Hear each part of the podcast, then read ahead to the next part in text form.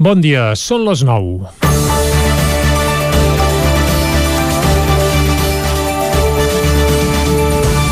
El dia d'ahir va ser un dels més importants pels nens i nenes i adolescents del país i també, per què no dir-ho, pels seus pares i mares. Ahir va començar un nou curs escolar que serà el tercer ja marcat per la pandèmia.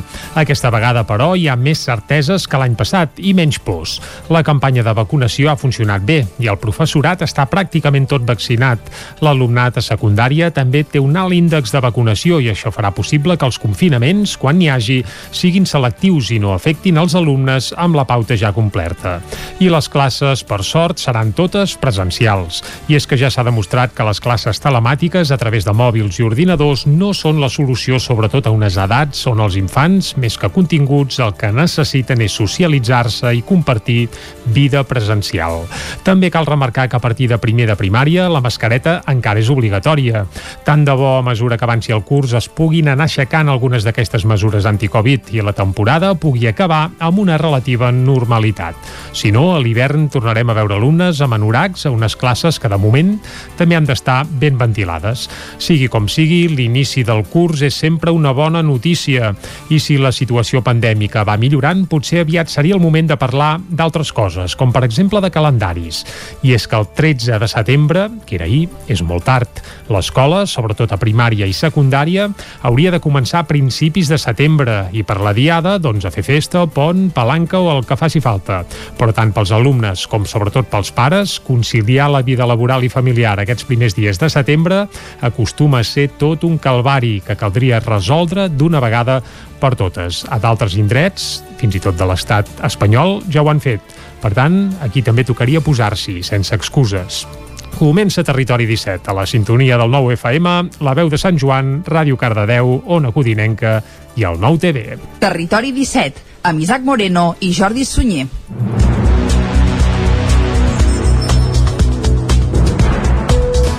Són les 9 i 2 minuts d'avui, dimarts, dia 14 de setembre de 2021. Comença aquí un nou Territori 17, el segon d'aquesta temporada, que avui, entre d'altres, comptarà amb el racó de pensar amb la Maria López, una secció que habitualment ens acompanyava els dijous. A partir d'aquesta temporada la tindrem els dimarts. Avui també parlarem d'economia amb en Joan Carles Arredondo, el nostre economista de capçalera, i també ens visitarà el meteoròleg Manel Dot, amb qui farem un balanç meteorològic de com ha sigut aquest estiu que ja anem deixant enrere. Tot això i moltes coses més les farem des d'ara mateix i fins al punt de les 12 del migdia.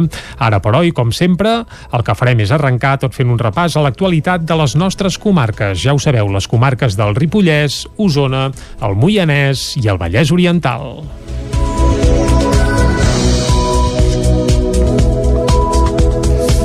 Ahir va començar el nou curs escolar 2021-2022. A Osona ho va fer amb normalitat i sense incidències destacades en cap centre.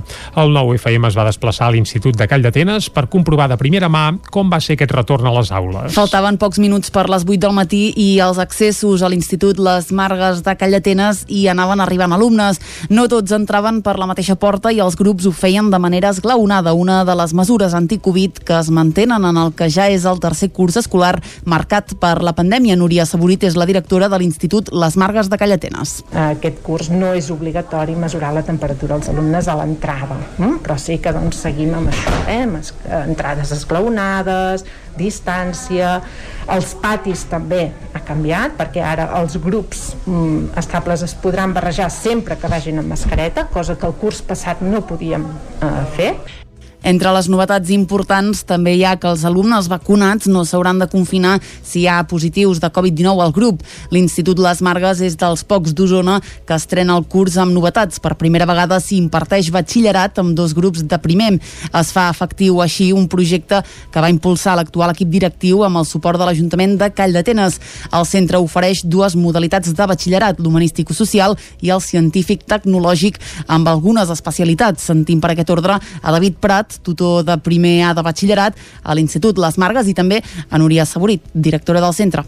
Els dos batxillerats que tenim no estan separats segons l'opció humanística o científica que agafen els alumnes, això és una, una particularitat del nostre batxillerat, també el fet que hi ha un parell d'assignatures que s'imparteixen en anglès. Representa un repte per la comunitat educativa, però una gran il·lusió perquè podem veure aquesta continuïtat dels alumnes doncs, que hem tingut amb nosaltres durant tota l'etapa d'educació secundària obligatòria. Els alumnes es mostraven molt satisfets de l'estrena. Eric López i Jordina Vilà són alumnes de primer de batxillerat. Som la primera promoció que, bueno, que comença aquesta línia de batxillerat aquí i és algo bueno, molt guai, molt divertit. Sí, tot té els seus avantatges, coneixes el centre, clar, és, fas el canvi de l'ESO batxillerat, però està al mateix centre, et coneixes molt dels professorats, per tant, té certes avantatges que potser si canvies de centre no tens. L'Institut Les Margues va començar classes ahir dilluns amb 323 alumnes i 37 professors. L'arrencada del curs 2021-2022 ha anat de baracet amb altres novetats a Osona. L'Institut Sirvianum de Torelló, per exemple, ha incorporat el batxillerat artístic i escènic i ara ofereix tots els itineraris.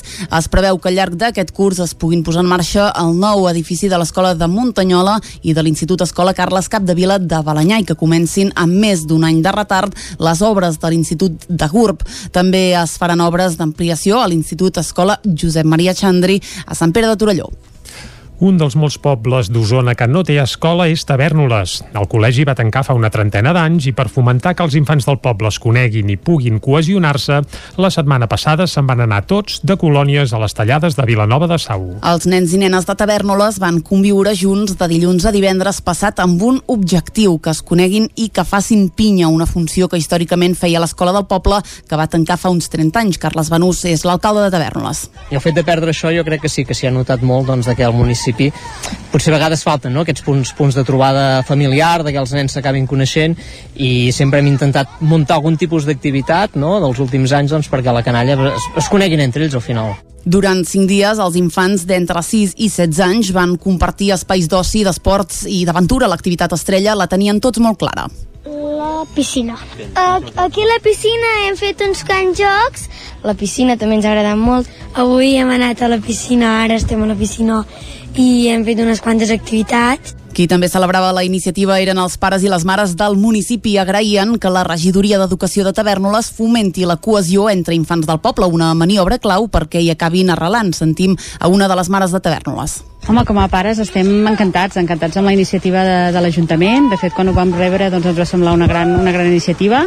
Les nostres filles viuen a Tavernoles, però van a escola a Folgueroles i això els dona la gran oportunitat doncs, de poder conèixer tots els nens i nenes del poble no? i poder fer grup i cohesionar-se i esperem doncs, que s'acabin estimant molt el poble que, que es vulguin quedar.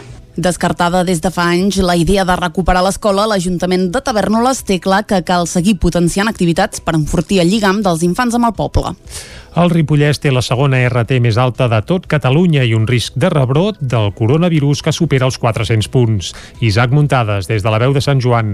Males notícies pel Ripollès pel que fa a la situació de la pandèmia de la Covid-19 i és que ara mateix és la segona comarca de Catalunya amb la velocitat de propagació del virus més alta, ja que l'RT és de 2,06, encara per sota del 2,36 que presenta les Garrigues, una dada molt dolenta que es correspon a la setmana del 2 al 8 de setembre i que en qüestió de 3 setmanes des de mitjans d'agost ha passat de ser de 0,65 a 1,69 fins a arribar als números actuals. Això ha fet que el risc de rebrot també s'hagi disparat pels núvols passant dels 70 punts que hi havia entre la setmana del 19 al 25 d'agost als 154 de la següent i als 410 de l'actual, més del quàdruple en menys d'un mes. Una situació que s'explica per l'augment de casos positius que han passat de 10 a 36, que si bé no és una xifra en nombres absoluts molt elevada, doncs sí que representa un problema per una comarca de poc més de 25.200 habitants. A més a més, la taxa de positivitat ha passat de gairebé un 2,5% a un 7 7,8%. A banda d'aquestes males notícies, també n'hi ha de bones, i és que ja hi ha un 71,8% de la població del Ripollès que ha rebut la pauta completa de la vacuna, una xifra que equival a 18.153 persones. El percentatge s'incrementa encara més si només es compten aquelles persones que almenys han rebut una dosi del vaccí, una xifra que augmenta fins al 74,4% dels habitants, un total de 18.798. Per ara, a l'Hospital de Can de Bànol només hi queda una persona ingressada amb la malaltia i des de l'inici de la pandèmia a la comarca s'han detectat 3.070 270 casos de coronavirus, és a dir, una mica més del 12% dels ripolleros s'ha contagiat de la malaltia i 83 persones no han pogut superar-la i han mort. Per tal d'arribar a la immunitat de grup, cada cop és més fàcil accedir a la vacunació. I és per aquest motiu que divendres i dissabte passat la sala Grells de Ripoll va acollir una nova jornada de vacunació amb Pfizer-BioNTech, que estava oberta a majors de 12 anys que s'haguessin d'administrar la primera dosi per tal d'arribar una mica protegits a l'inici del curs escolar l'Ajuntament de Cardedeu adquireix un nou pis per destinar-lo a lloguer social. Actualment, el Parc Públic d'Habitatge Municipal inclou 8 habitatges de propietat. Núria Lázaro, de Ràdio Televisió Cardedeu. L'Ajuntament de Cardedeu ha adquirit aquesta setmana un nou habitatge per destinar-lo al fons de lloguer social. En concret, s'hi allotjarà una família en risc d'exclusió residencial. La compra ha estat motivada arran de les necessitats d'habitatge social i en l'exercici del dret de tanteig, que permet a l'administració adquirir un habitatge a preu per sota del mercat. D'entre el parc públic d'habitatge municipal actualment hi ha 8 habitatges de propietat, dels quals 4 han estat comprats en el marc de la llei del dret a tanteig i retracte. L'Ajuntament de Cardedeu, a través del Servei d'Habitatge, treballa per prevenir les situacions de vulnerabilitat i risc d'exclusió social i residencial i garantir els drets bàsics de les persones per tal de construir un municipi més just i inclusiu. L'església de Sant Julià d'Úixols, a Castellterçol, serà declarada bé cultural d'interès local.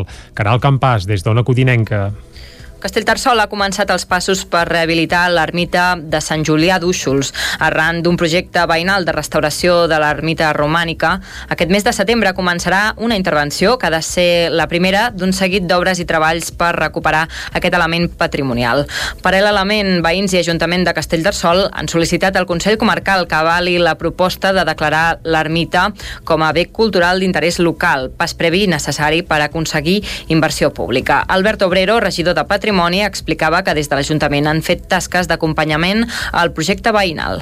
Que a part de protegir l'edificació per futures actuacions que s'hi facin, vull dir, no, no, no es podrà tocar de qualsevol manera, eh, cosa que ja està bé. Eh, el que fa és obrir-nos les portes a, a poder concórrer en convocatòries d'ajuts per rehabilitació. Ara fa un any i mig un seguit de veïns del poble van iniciar aquest projecte per tal de recuperar una ermita que es trobava en mal estat de conservació. Després de mesos amb converses entre bisbat i institucions, els amics de Sant Julià d'Úxols comencen a veure els fruits de la seva seva tasca.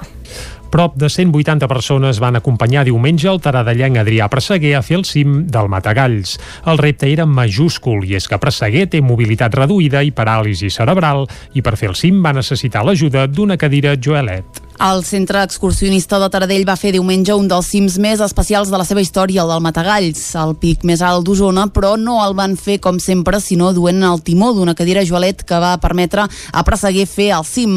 L'aventura va començar a les 8 del matí quan els responsables de l'àrea d'esport inclusiu de la Federació d'Entitats Excursionistes de Catalunya van ensenyar als voluntaris la tècnica i el funcionament d'una cadira Joalet. Amb la feina feta va començar l'ascens al cim des de Coll Formic, possible gràcies gràcies a les prop de 180 persones que van acompanyar l'Adrià. El tram final va ser molt emotiu. Qui va empènyer la cadira va ser, van ser els familiars de l'Adrià, amb pares, germans i cosins al capdavant, que van ser rebuts amb una forta ovació en el moment de fer el cim. Ja dalt, el pare de l'Adrià, Josep Presseguer, va tenir paraules d'agraïment a totes les persones, institucions i entitats que havien fet possible el repte i ja deixava clara la voluntat de tornar-hi si avui l'Adrià ha obert una escletxa, que estic veient aquests dies, doncs de, gràcies a aquesta escletxa, gràcies a l'escletxa de, de, dels, dels centres excursionistes de Radell, sabem que al Parc Natural s'han sortit tres jorolets que estaven allà guardades, eh, hi ha altre material, l'Ajuntament de Vic ha sortit un altre jorelet, realment tot aquest material és per fer el servir, no?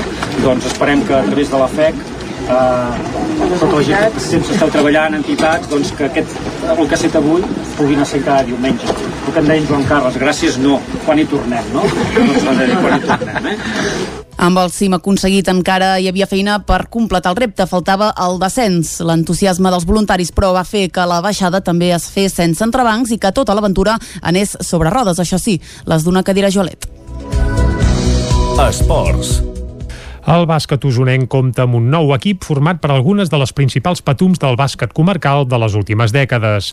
El conjunt liderat per Juli Garrote està format per molts exjugadors del Vic, alguns amb experiència a l'EP Plata i EVA, i competirà a segona catalana defensant la samarreta del Vilatorta. La retirada de Juli Garrote la temporada passada ha propiciat el naixement d'un equip d'alçada ple de velles glòries del bàsquet usonenc, ho explica un dels seus impulsors, el mateix jugador Juli Garrote sempre es havia parlat de quan jo em retirés definitivament doncs de poder muntar un equip i jugar amb els amics de tota la vida doncs, junts a la categoria sènior, que és una cosa que no havíem pogut fer quasi tots, perquè sí que havíem jugat de, de petits a les categories inferiors, no amb tots, i era una cosa que ens feia il·lusió, no? I en aquest projecte, a banda de Garrote, hi ha noms com Sergi López, Daman Vila, Martí Nualart o Joan Balanzó, tots ells amb un passat a l'Ep Plata o a la Lliga EVA. La plantilla amb jugadors majoritàriament veterans que ronden la quarantena la completa encara vuit noms més amb la voluntat de tenir un equip ampli que pugui fer front a lesions i també fer moltes rotacions. En un principi la idea era vincular el nou equip al Club Bàsquet Vic, però al final s'han establert a Sant Julià de Vilatorta. Sentim a Garrote la nostra primera opció, eh, sent tots exjugadors del Vic, de bàsquet i tot, eh, sempre comptàvem poder-ho fer a, a dins del club, no? Al final, per certes bueno, eh, coses que no es va poder fer viable, eh, ho vam intentar, però al final no es va poder portar a terme per coses que bueno, al final no connectàvem, i al final la, la millor opció era Sant Julià, com bé dius tu, per un tema de que s'hi respira molt bàsquet. De fet, fan el torneig més gran que hi ha a tota Europa de, de, de, de bàsquet el nou equip, per tant, es dirà Vilatorta i competirà a segona catalana en un grup on coincidiran amb el Torelló i el Ripoll. El Vilatorta ocuparà la plaça del Santa Eugènia, que aquesta temporada es va desfer. Pel que fa a l'estaf tècnic, el nou Vilatorta l'entrenaran els dos últims expresidents del Club Bàsquet Vic, Ramon Luna i Pietro Parma. Sabíem que tenien mono de bàsquet una mica com nosaltres, com algun jugador de l'equip que estava retirat, i va ser una mica doncs, fer-los la proposta del fet aquest, no? de poder fer bàsquet i bueno, poder fer sopars i poder estar units i disfrutar d'aquest esport, com bé et deia, i va ser molt fàcil. Creiem que hem fet un projecte eh, enriquidor, no? no? No crec que sigui molt a llarg termini ni de futur amb l'edat que tenim, però sí que per fer a curt termini poder disfrutar molt d'això. El debut del nou equip serà el 26 de setembre a Sant Julià contra el Ripoll, una bona oportunitat per tornar a veure en acció junts alguns dels jugadors usonencs més destacats dels últims anys. I fins aquí el butlletí de notícies que us hem ofert amb les veus de Clàudia Dinarès, Núria Lázaro, Caral Campàs i Isaac Muntades. Ara el que toca és fer un cop d'ull a la situació meteorològica.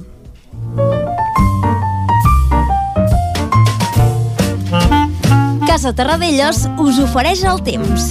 I per parlar del temps, aquesta setmana, atenció des de Rotterdam, sembla mentida que parlem del temps al costat de casa i la informació ens arribi des del de, el centre d'Europa o una mica al nord fins i tot, però vaja, allà és on tenim el Pep Acosta, aquí ja saludem ara mateix. Pep, molt bon dia.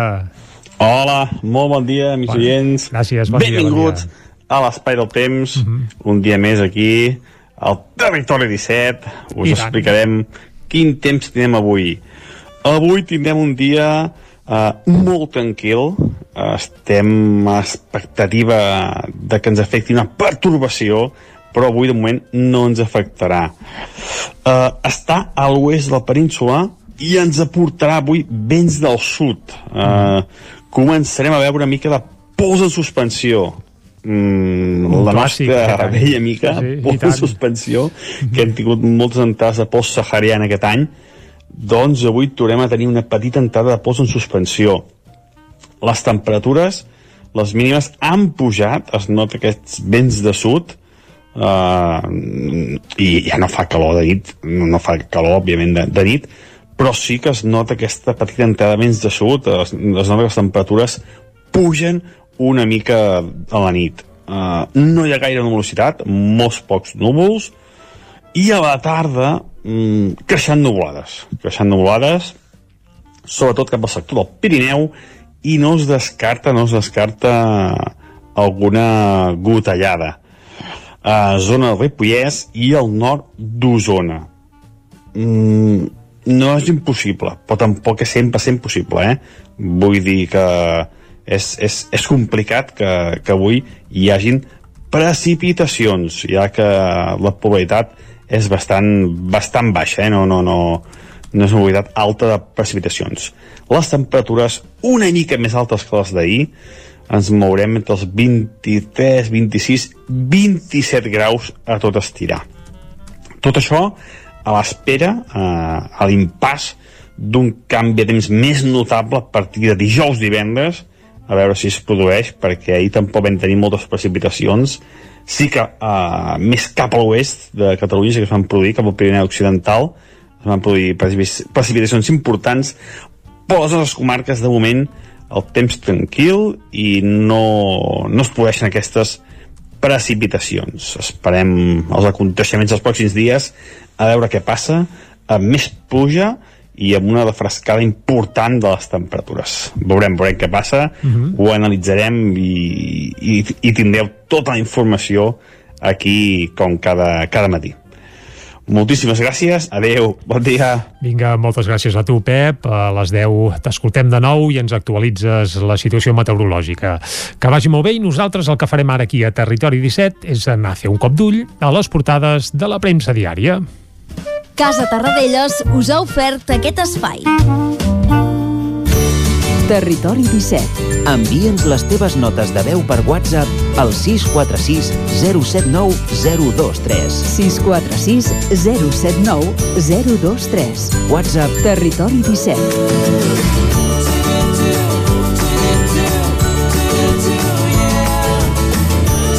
Territori 17. Som a Facebook, Twitter i Instagram amb l'usuari Territori 17.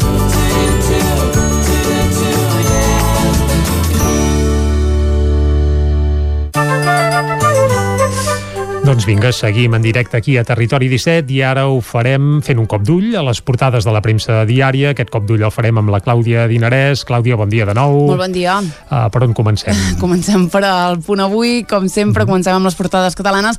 El punt avui diu ni parlar-ne. Pedro Sánchez nega el referèndum d'independència en la taula de diàleg. Junts i Esquerra rebaixen la tensió entre ells abans de la cita de demà dimecres. L'Estat insisteix que es pot parlar de l'aeroport en la trobada. A la imatge, inici de curs escolar amb normalitat. Més d'un milió d'alumnes tornen als centres amb més interacció al pati i sense quarantena pels vacunats. Els centres educatius alerten de l'impacte emocional de la pandèmia en els joves. Un altre dels titulars del dia és que la Fiscalia vol castigar Carrasco, Tamara Carrasco, concretament. El fiscal del Suprem recorre contra l'absolució de l'activista catalana. Mm. Anem al diari Ara, que diu Sánchez es reunirà amb Aragonès abans de la taula de diàleg. El president espanyol vindrà demà a Barcelona i saludarà les delegacions, però no aclareix si s'hi asseurà. A la imatge, més de 5.400 centres educatius van obrir ahir les portes en l'inici del curs escolar, mentre el govern prepara un decret que permetria als instituts saber quins alumnes no estan vacunats per decidir qui es confina i qui no en cas de casos positius. A la imatge doncs, hi veiem un grup d'amigues que s'abracen, eh, entenem que es retroben i que diuen teníem ganes de veure els amics. Uh, un últim titular, avis i familiars es podran tornar a abraçar a les residències. Anem al periòdico que diu les elèctriques hauran d'absorbir l'alça de l'estiu. El pla de xoc del govern posarà un límit al preu del gas i rebaixarà l'impost de la llum. A la imatge hi veiem doncs eh, pràcticament la mateixa imatge, eh? un grup d'amigues i amics abraçant-se. Diu tornada al col·le però amb mascareta. Un milió i mig d'infants van iniciar un curs que s'assembla una mica més als d'abans, tot i que es mantenen algunes pautes sanitàries.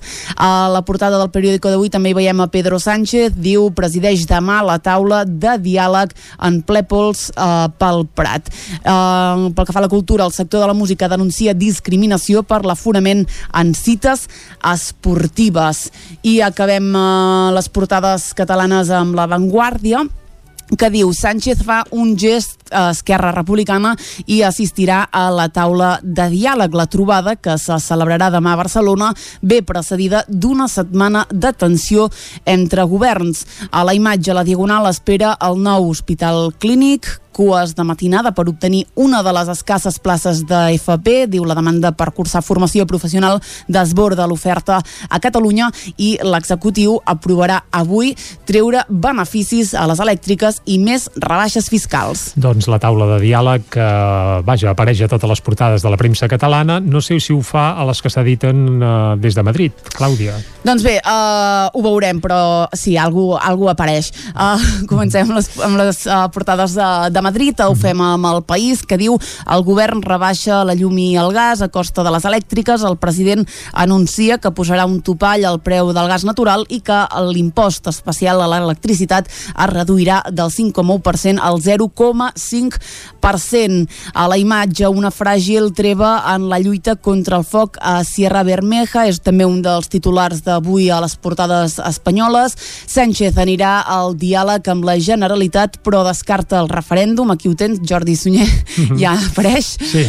Uh, I Espanya frena l'arribada de vacunes perquè diu ja emmagatzema dosis de sobres. Anem al Mundo que diu Sánchez dona oxigen a Aragonès i presidirà la taula del diàleg. A la imatge uh, hi veiem el foc a Sierra Bermeja, com dèiem fa un moment, diu ha arrasat ja 8.000 hectàrees uh, malgrat la feina de les brigades d'extinció. Uh, entenem que aquí han parlat amb una d'aquestes brigades que diu ens tenen asfixiats amb tanta regulació regulació. Uh, més coses, l'audiència s'inclina per fallar contra Marlaska per cessar a Pérez de los Cobos i Montero admet que Espanya no complirà amb el dèficit abans de l'any 2025. Anem acabant, eh? Anem a la Razón, que diu Sánchez assistirà a la taula de diàleg i subleva el PSOE i el PP. Uh, la imatge també parla d'aquest incendi, diu un incendi de sisena generació descontrolat. El foc de Sierra Bermeja es bifurca en dos fronts i crema més de 7.000 hectàrees. El govern traurà beneficis a les elèctriques per baixar el rebut també és una altra de les notícies d'aquest dimarts. I acabem, com sempre, amb l'ABC, que obre amb dues notícies. A la part superior de la portada diu mega incendis, la nova amenaça que devora Espanya. Avancen més ràpid, diu, alliberen tanta energia com per variar la meteorologia i són molt més difícils de controlar. En política, Ayuso retorna la llibertat horària a l'hostaleria i a l'oci nocturn. També és una de les notícies del dia, sobretot a Madrid. Diu Teatre teatres i cinemes de Madrid recuperen des de dilluns l'aforament complet i les terrasses passen a tenir límit de 10 comensals. Com sempre, Madrid lidera els rànquings d'aixecar restriccions amb la Covid liderat per la Ayuso. Uh, Clàudia, moltes gràcies. Fins ara. I nosaltres ara el que farem aquí a Territori 17, després de fer aquest breu repàs a les portades, és una petita pausa i tornarem a dos quarts en punt amb més informació. Fins ara. El nou FM, la ràdio de casa, al 92.8. OBS, la marca de moda líder a Itàlia, arriba a Vic amb la col·lecció per nens fins a 15 anys. Vesteix els petits amb roba OBS, peces fabricades amb cotó orgànic pensades especialment per la pell dels infants. Aprofita el 20% de descompte en tota la col·lecció durant l'obertura del 9 al 14 de setembre. OBS, des d'Itàlia per tu, al carrer Argenters 20 de Vic. A Aquari Jordi hi trobaràs periquitos, canaris i tot tipus d'ocells, conills, hàmsters, ratolins, rates índies, peixos tropicals i molt més. Aquaris, tortugues, joguines i tots els complements i menjars per tot tipus d'animals. Aquari Jordi som al carrer Nou número 34 de Vic i també a Instagram. Troba'ns a aquarijordi.com Oferta de pinços pel teu gat o gos i descomptes en llits, matalassos i joguines. Aquari Jordi us desitja bon mercat de música viva. Mudances a la carta. Som especialistes en muntatge i desmuntatge de mobles. Oferim servei de guardamobles i fem mudances a tot el territori. Trasllats de pianos i peces delicades i també fem embalatge i protegim. Mudances a la carta. Serveis adaptats a cada client. Ens trobaràs al telèfon 605 04 34 75.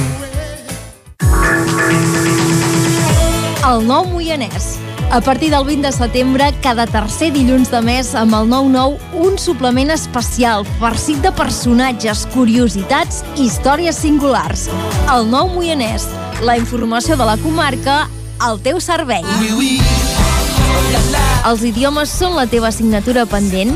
Matricula't anglès o francès a l'EOI Osona, l'Escola Pública d'Idiomes a Vic. Per més informació, consulta la web eoiosona.cat i trobaràs l'oferta de cursos i horaris, així com les bonificacions i exempcions de matrícula. També ens pots trucar al 93 889 3830 a partir de l'1 de setembre. Cobertes serveis funeraris. Els nostres tanatoris estan ubicats en els nuclis urbans més poblats de la comarca d'Osona per oferir un millor servei.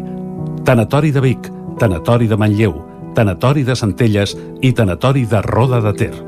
Sabem que són moments difícils i per això el nostre compromís és atendre-us en tot moment amb un tracte humà, sensible i respectuós.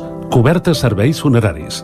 Telèfon 24 hores 93 883 23 46. Rètols 2A. Experts en comunicació visual.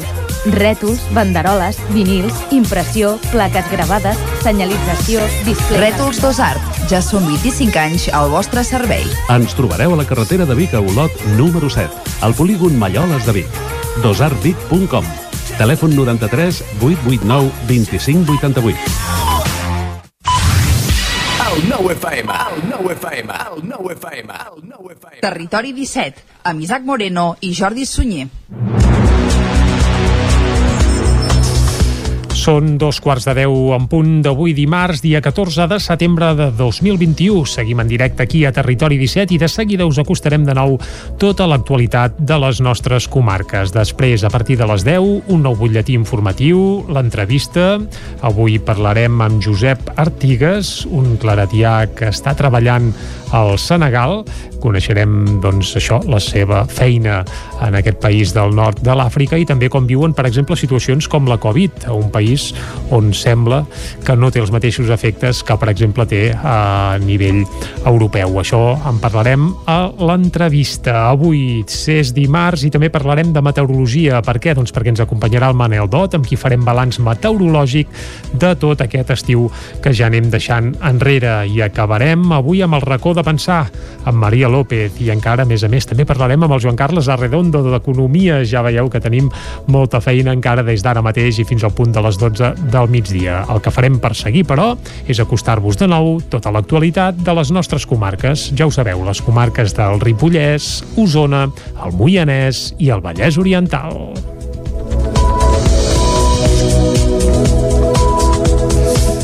Ahir va començar el nou curs escolar 2021-2022. A Osona ho va fer amb normalitat i sense incidències destacades en cap centre. El nou FM es va desplaçar a l'Institut de Call d'Atenes per comprovar de primera mà com va ser aquest retorn a les aules. Faltaven pocs minuts per les 8 del matí i els accessos a l'Institut Les Margues de Call d'Atenes hi anaven arribant alumnes. No tots entraven per la mateixa porta i els grups ho feien de manera esglaonada, una de les mesures anticovid que es mantenen en el que ja és el tercer curs escolar marcat per la pandèmia. Núria Saborit és la directora de l'Institut Les Margues de Callatenes. Aquest curs no és obligatori mesurar la temperatura als alumnes a l'entrada, hm? però sí que doncs, seguim amb això, eh? amb es- entrades esglaonades, distància, els patis també ha canviat perquè ara els grups mm, estables es podran barrejar sempre que vagin amb mascareta, cosa que el curs passat no podíem eh, fer. Entre les novetats importants també hi ha que els alumnes vacunats no s'hauran de confinar si hi ha positius de Covid-19 al grup. L'Institut Les Margues és dels pocs d'Osona que estrena el curs amb novetats. Per primera vegada s'hi imparteix batxillerat amb dos grups de primer. Es fa efectiu així un projecte que va impulsar l'actual equip directiu amb el suport de l'Ajuntament de Call d'Atenes. El centre ofereix dues modalitats de batxillerat, l'humanístico-social i el científic-tecnològic amb algunes especialitats. Sentim per aquest ordre a David Prat, tutor de primer A de batxillerat a l'Institut Les Margues i també a Núria Saborit, directora del centre. Els dos batxillerats que tenim no estan separats segons l'opció humanística o científica que agafen els alumnes. Això és una, una particularitat del nostre batxillerat. També el fet que hi ha un parell d'assignatures que s'imparteixen en anglès. representa un repte per la comunitat educativa però una gran il·lusió perquè podem veure aquesta continuïtat dels alumnes doncs, que hem tingut amb nosaltres durant tota l'etapa d'educació secundària obligatòria. Els alumnes es mostraven molt satisfets de l'estrena. Eric López i Jordina Vilà són alumnes de primer de batxillerat. Som la primera promoció que, bueno, que comença aquesta línia de batxillerat aquí i és algo bueno, molt guai, molt divertit. Sí, tot té les seves avantatges, coneixes el centre, clar, és, fas el canvi de l'ESO al batxillerat però està al mateix centre, et coneixes molt dels professorats per tant té certes avantatges que potser si canvies de centre no tens L'Institut Les Margues va començar classes ahir dilluns amb 323 alumnes i 37 professors. L'arrencada del curs 2021-2022 ha anat de baracet amb altres novetats a Osona. L'Institut Sirvianum de Torelló, per exemple, ha incorporat el batxillerat artístic i escènic i ara ofereix tots els itineraris. Es preveu que al llarg d'aquest curs es puguin posar en marxa el nou edifici de l'Escola de Muntanyola i de l'Institut Escola Carles Capdevila de Balanyà i que comencin amb més d'un any de retard les obres de l'Institut de Gurb GURB. També es faran obres d'ampliació a l'Institut Escola Josep Maria Xandri a Sant Pere de Torelló. Un dels molts pobles d'Osona que no té escola és Tavernoles. El col·legi va tancar fa una trentena d'anys i per fomentar que els infants del poble es coneguin i puguin cohesionar-se, la setmana passada se'n van anar tots de colònies a les tallades de Vilanova de Sau. Els nens i nenes de Tavernoles van conviure junts de dilluns a divendres passat amb un objectiu, que es coneguin i que facin pinya, una funció que històricament feia l'escola del poble, que va tancar fa uns 30 anys. Carles Benús és l'alcalde de Tavernoles. I el fet de perdre això jo crec que sí que s'hi ha notat molt doncs, que el municipi principi potser a vegades falten no? aquests punts, punts de trobada familiar, de que els nens s'acabin coneixent i sempre hem intentat muntar algun tipus d'activitat no? dels últims anys doncs, perquè la canalla es, es coneguin entre ells al final. Durant cinc dies, els infants d'entre 6 i 16 anys van compartir espais d'oci, d'esports i d'aventura. L'activitat estrella la tenien tots molt clara. La piscina. Aquí a la piscina hem fet uns cants jocs. La piscina també ens ha agradat molt. Avui hem anat a la piscina, ara estem a la piscina i hem fet unes quantes activitats. Qui també celebrava la iniciativa eren els pares i les mares del municipi i agraïen que la regidoria d'Educació de Tavernoles fomenti la cohesió entre infants del poble, una maniobra clau perquè hi acabin arrelant. Sentim a una de les mares de Tavernoles. Home, com a pares estem encantats, encantats amb la iniciativa de, de l'Ajuntament. De fet, quan ho vam rebre doncs ens va semblar una gran, una gran iniciativa. Les nostres filles viuen a Tavernoles, però van a escola a Folgueroles i això els dona la gran oportunitat doncs, de poder conèixer tots els nens i nenes del poble no? i poder fer grup i cohesionar-se i esperem doncs, que s'acabin estimant molt el poble i que, que es vulguin quedar. Descartada des de fa anys la idea de recuperar l'escola, l'Ajuntament de Tavernoles té clar que cal seguir potenciant activitats per enfortir el lligam dels infants amb el poble.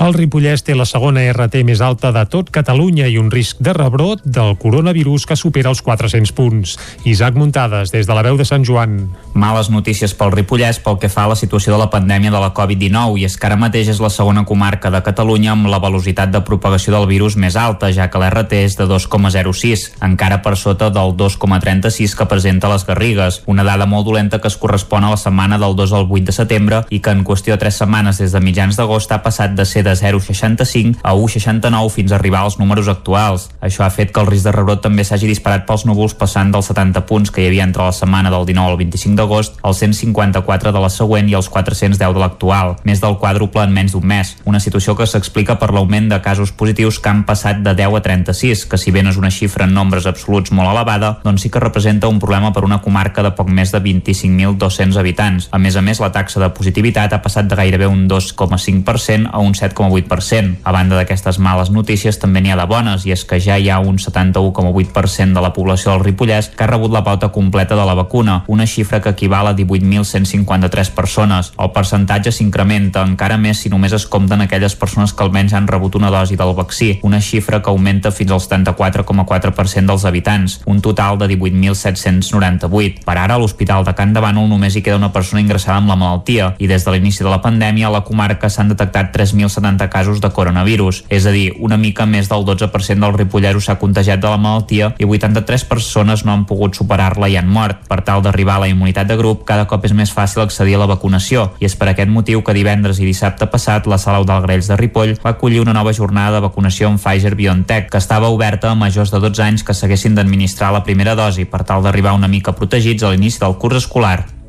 L'Ajuntament de Cardedeu adquireix un nou pis per destinar-lo a lloguer social. Actualment, el Parc Públic d'Habitatge Municipal inclou 8 habitatges de propietat. Núria Lázaro, de Ràdio Televisió Cardedeu. L'Ajuntament de Cardedeu ha adquirit aquesta setmana un nou habitatge per destinar-lo al fons de lloguer social. En concret, s'hi allotjarà una família en risc d'exclusió residencial. La compra ha estat motivada arran de les necessitats d'habitatge social i en l'exercici del dret de tanteig, que permet a l'administració adquirir un habitatge a preu per sota del mercat.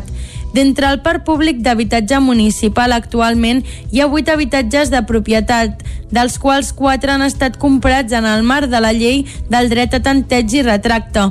L'Ajuntament de Cardedeu, a través del Servei d'Habitatge, treballa per prevenir les situacions de vulnerabilitat i risc d'exclusió social i residencial i garantir els drets bàsics de les persones per tal de construir un municipi més just i inclusiu. L'església de Sant Julià d'Úixols, a Castellterçol, serà declarada bé cultural d'interès local. Caral Campàs, des d'Ona Codinenca. Castellterçol ha començat els passos per rehabilitar l'ermita de Sant Julià d'Úxols. Arran d'un projecte veïnal de restauració de l'ermita romànica, aquest mes de setembre començarà una intervenció que ha de ser la primera d'un seguit d'obres i treballs per recuperar aquest element patrimonial. Paral·lelament, veïns i Ajuntament de Castellterçol han sol·licitat al Consell Comarcal que avali la proposta de declarar l'ermita com a bé cultural d'interès local, pas previ necessari per aconseguir inversió pública. Albert Obrero, regidor de Patrimoni, Patrimoni explicava que des de l'Ajuntament han fet tasques d'acompanyament al projecte veïnal. Que a part de protegir l'edificació per futures actuacions que s'hi facin, vull dir, no, no, no es podrà tocar de qualsevol manera, eh, cosa que ja està bé. Eh, el que fa és obrir-nos les portes a, a poder concórrer en convocatòries d'ajuts per rehabilitació. Ara fa un any i mig un seguit de veïns del poble van iniciar aquest projecte per tal de recuperar una ermita que es trobava en mal estat de conservació.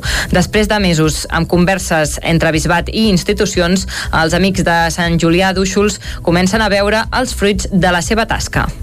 Prop de 180 persones van acompanyar diumenge el taradellenc Adrià Presseguer a fer el cim del Matagalls. El repte era majúscul i és que Presseguer té mobilitat reduïda i paràlisi cerebral i per fer el cim va necessitar l'ajuda d'una cadira Joelet. El centre excursionista de Taradell va fer diumenge un dels cims més especials de la seva història, el del Matagalls, el pic més alt d'Osona, però no el van fer com sempre, sinó duent el timó d'una cadira Joalet que va permetre a Presseguer fer el cim. L'aventura va començar a les 8 del matí quan els responsables de l'àrea d'esport inclusiu de la Federació d'Entitats Excursionistes de Catalunya van ensenyar als voluntaris la tècnica i el funcionament d'una cadira Joalet. Amb la feina feta va començar l'ascens al cim des de Coll Formic, possible gràcies a les prop de 180 persones que van acompanyar l'Adrià. El tram final va ser molt emotiu. Qui va empènyer la cadira va ser, van ser els familiars de l'Adrià, amb pares, germans i cosins al capdavant, que van ser rebuts amb una forta ovació en el moment de fer el cim. Ja dalt, el pare de l'Adrià, Josep Presseguer, va tenir paraules d'agraïment a totes les persones, institucions i entitats que havien fet possible el repte i ja deixava clara la voluntat de tornar-hi si avui l'Adrià ha obert una escletxa que estic fent aquests dies doncs de, gràcies a aquesta escletxa gràcies a l'escletxa de, de, dels, dels centres excursionistes de Radell sabem que al Parcs Naturals s'han sortit tres jorolets que estaven allà guardades uh, i altre material l'Ajuntament de Vic ha sortit un altre jorolet realment tot aquest material és per fer el servir no? doncs esperem que a través de la FEC eh, tota la gent que sempre esteu treballant, entitats, doncs que aquest, el que ha set avui pugui anar sent cada diumenge. El que em deia Joan Carles, gràcies no, quan hi tornem, no? Doncs quan hi tornem, eh? Amb el cim aconseguit encara hi havia feina per completar el repte, faltava el descens. L'entusiasme dels voluntaris, però, va fer que la baixada també es fes sense entrebancs i que tota l'aventura anés sobre rodes, això sí, les d'una cadira Jolet. Esports. El bàsquet usonenc compta amb un nou equip format per algunes de les principals patums del bàsquet comarcal de les últimes dècades. El conjunt liderat per Juli Garrote està format per molts exjugadors del Vic, alguns amb experiència a l'Ep Plata i EVA, i competirà a segona catalana defensant la samarreta del Vilatorta. La retirada de Juli Garrote la temporada passada ha propiciat el naixement d'un equip d'alçada ple de velles glòries del bàsquet usonenc, ho explica un dels seus impulsors, el mateix jugador Juli Garrote sempre es havia parlat de quan jo em retirés definitivament doncs de poder muntar un equip i jugar amb els amics de tota la vida doncs, junts a la categoria sènior, que és una cosa que no havíem pogut fer quasi tots, perquè sí que havíem jugat de, de petits a les categories inferiors, no amb tots, i era una cosa que ens feia il·lusió, no? I en aquest projecte, a banda de Garrote, hi ha noms com Sergi López, Amant Vila, Martí Nualart o Joan Balanzó, tots ells amb un passat a l'Ep Plata o a la Lliga EVA. La plantilla amb jugadors majoritàriament veterans que ronden la quarantena la completa encara vuit noms més amb la voluntat de tenir un equip ampli que pugui fer front a lesions i també fer moltes rotacions. En un principi la idea era vincular el nou equip al Club Bàsquet Vic, però al final s'han establert a Sant Julià de Vilatorta. Sentim a Garrote la nostra primera opció, eh, sent tots exjugadors del Vic, de bàsquet i tot, eh, sempre comptàvem poder-ho fer a, a dins del club, no? Al final, per certes bueno, eh, coses que no es va poder fer viable, eh, ho vam intentar, però al final no es va poder portar a terme per coses que bueno, al final no connectàvem i al final la, la millor opció era Sant Julià, com bé dius tu, per un tema de que s'hi respira molt bàsquet. De fet, fan el torneig més gran que hi ha a tota Europa de, de, de, de bàsquet. El nou equip, per tant, es dirà Vilatorta i competirà a segona catalana en un grup on coincidiran amb el Torelló i el Ripoll. El Vilatorta ocuparà la plaça del Santa Eugènia, que aquesta temporada es va desfer. Pel que fa a l'estaf tècnic, el nou Vilatorta l'entrenaran els dos últims expresidents del Club Bàsquet Vic, Ramon Luna i Pietro Parma sabíem que tenien mono de bàsquet una mica com nosaltres, com algun jugador de l'equip que estava retirat, i va ser una mica doncs, fer-los la proposta del fet aquest, no? de poder fer bàsquet i bueno, poder fer sopars i poder estar units i disfrutar d'aquest esport com bé et deia i va ser molt fàcil, creiem que hem fet un projecte eh, enriquidor, no? no? No crec que sigui molt a llarg termini ni de futur amb l'edat que tenim, però sí que per fer a curt termini poder disfrutar molt d'això. El debut del nou equip serà el 26 de setembre a Sant Julià contra el Ripoll, una bona oportunitat per tornar a veure en acció junts alguns dels jugadors usonencs més destacats dels últims anys. I fins aquí el butlletí de notícies que us hem ofert amb les veus de Clàudia Dinarès, Núria Lázaro, Caral Campàs i Isaac Muntades. Ara el que toca és fer un cop d'ull a la situació meteorològica.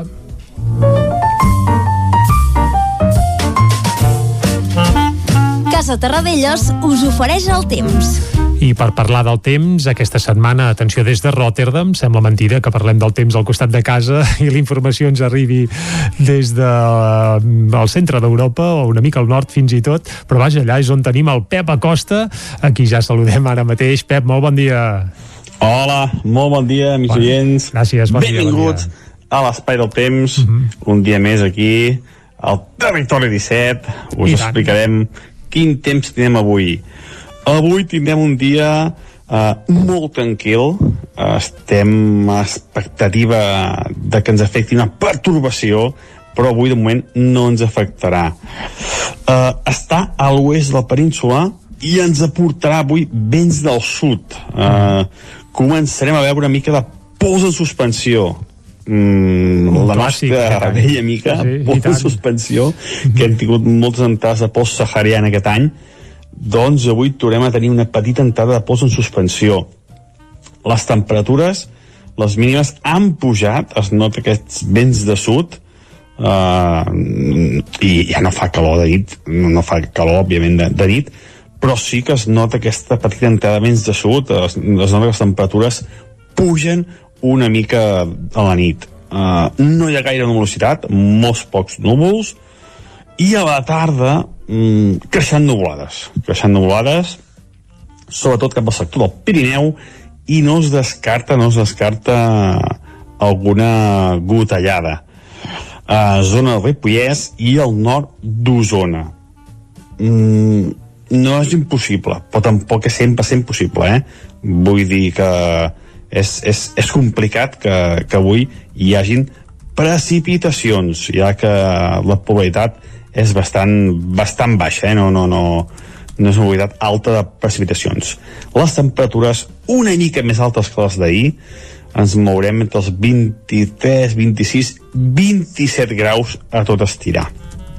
Tot això a l'espera, eh, a l'impàs d'un canvi de temps més notable a partir de dijous divendres, a veure si es produeix, perquè ahir tampoc vam tenir moltes precipitacions, sí que uh, més cap a l'oest de Catalunya sí que es van produir, cap al Pirineu Occidental es van produir precipitacions importants però les comarques de moment.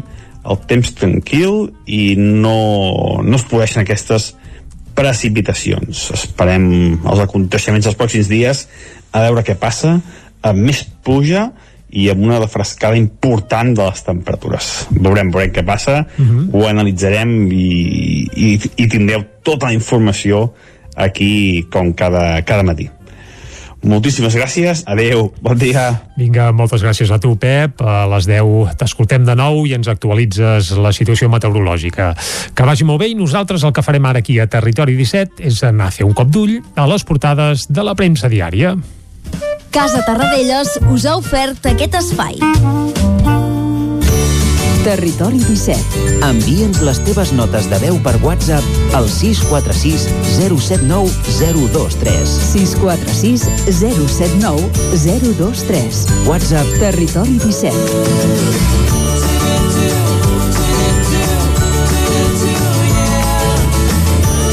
Territori 17.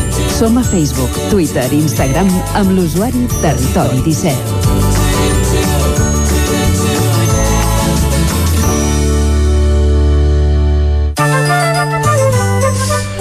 Vinga, seguim en directe aquí a Territori 17 i ara ho farem fent un cop d'ull a les portades de la premsa diària. Aquest cop d'ull el farem amb la Clàudia Dinarès. Clàudia, bon dia de nou. Molt bon dia. Uh, per on comencem? Comencem per al punt avui, com sempre, comencem amb les portades catalanes. El punt avui diu ni parlar-ne. Pedro Sánchez nega el referèndum d'independència en la taula de diàleg. Junts i Esquerra rebaixen la tensió entre ells abans de la cita de demà dimecres. L'Estat insisteix que es pot parlar de l'aeroport en la trobada.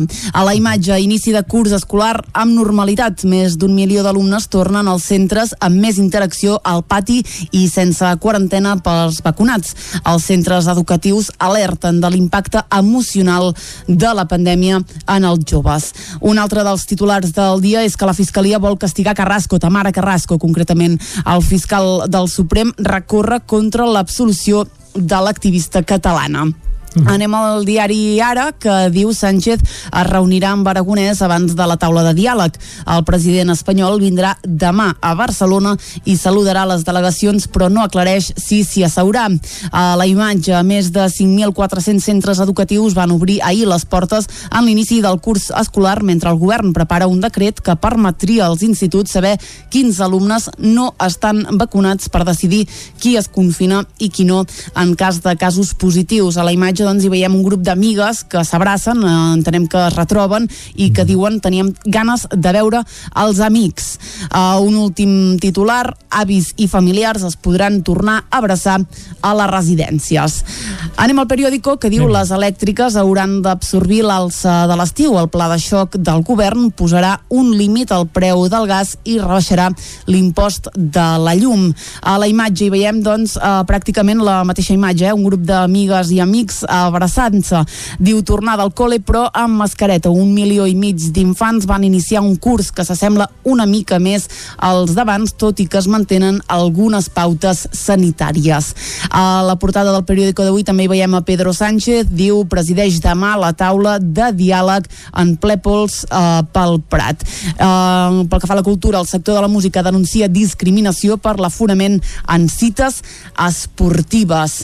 I acabem eh, les portades catalanes amb la Vanguardia que diu Sánchez fa un gest Esquerra Republicana i assistirà a la taula de diàleg. La trobada, que se celebrarà demà a Barcelona, ve precedida d'una setmana de tensió entre governs. A la imatge, la Diagonal espera el nou hospital clínic, cues de matinada per obtenir una de les escasses places de FP, diu la demanda per cursar formació professional desborda l'oferta a Catalunya i l'executiu aprovarà avui treure beneficis a les elèctriques i més rebaixes fiscals. Doncs la taula de diàleg que, vaja, apareix a totes les portades de la premsa catalana. No sé si ho fa a les que s'editen uh, des de Madrid. Clàudia. Doncs bé, uh, ho veurem, però sí, algú, algú apareix. Uh, comencem amb les, amb les uh, portades de, de Madrid, ho fem amb el país, que diu el govern rebaixa la llum i el gas a costa de les elèctriques, el president anuncia que posarà un topall al preu del gas natural i que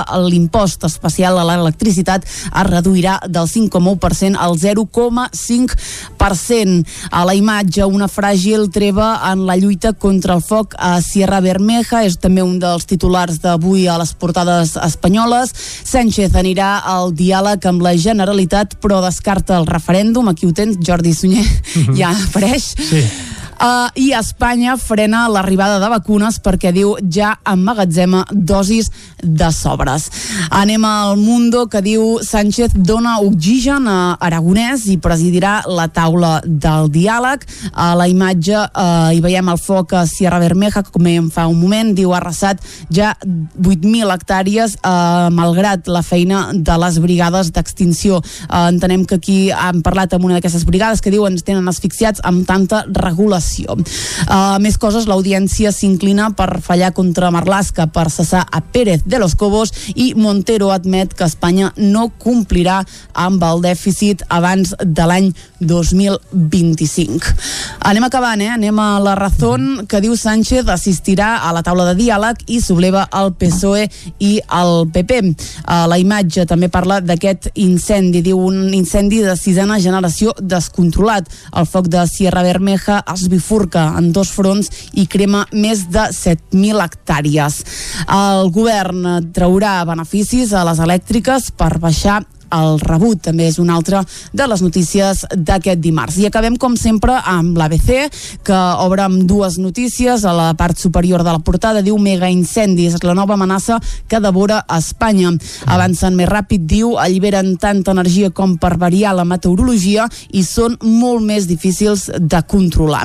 En política, Ayuso retorna la llibertat horària a l'hostaleria i a l'oci nocturn. També és una de les notícies del dia, sobretot a Madrid. Diu teatres i cinemes de Madrid recuperen des de dilluns l'aforament complet i les terrasses passen a tenir límit de 10 comensals. Com sempre, Madrid lidera els rànquings d'aixecar restriccions amb la Covid liderat per la Ayuso. Uh, Clàudia, moltes gràcies. Fins ara. Moltes gràcies, però el que farem abans d'anar a la cançó del dia és afegir que avui uh, és dia de Champions. Torna la Champions de futbol i amb un plat fort, el Barça-Bayern de Munic, un partit que, tal com titula l'esportiu, per exemple, és una prova de foc, aquest és el títol que hi ha a l'esportiu eh, avui, un partit que serà a partir de les 9 del vespre i que servirà una mica per veure eh, de quin peu calça aquest nou Barça que entrena Ronald Koeman. Per cert, que al Camp Nou hi podrà haver prop de 40.000 espectadors, per tant, no només torna a la Champions, sinó que també torna al públic en partits de competició europea, cosa que val la pena celebrar. Uh, dèiem que l'esportiu titula Prova de Foc, l'esport uh, titula Força Barça, amb lletres gegantines i una copa de la Champions de fons. No sé si és premonitori o no, això caldria saber-ho.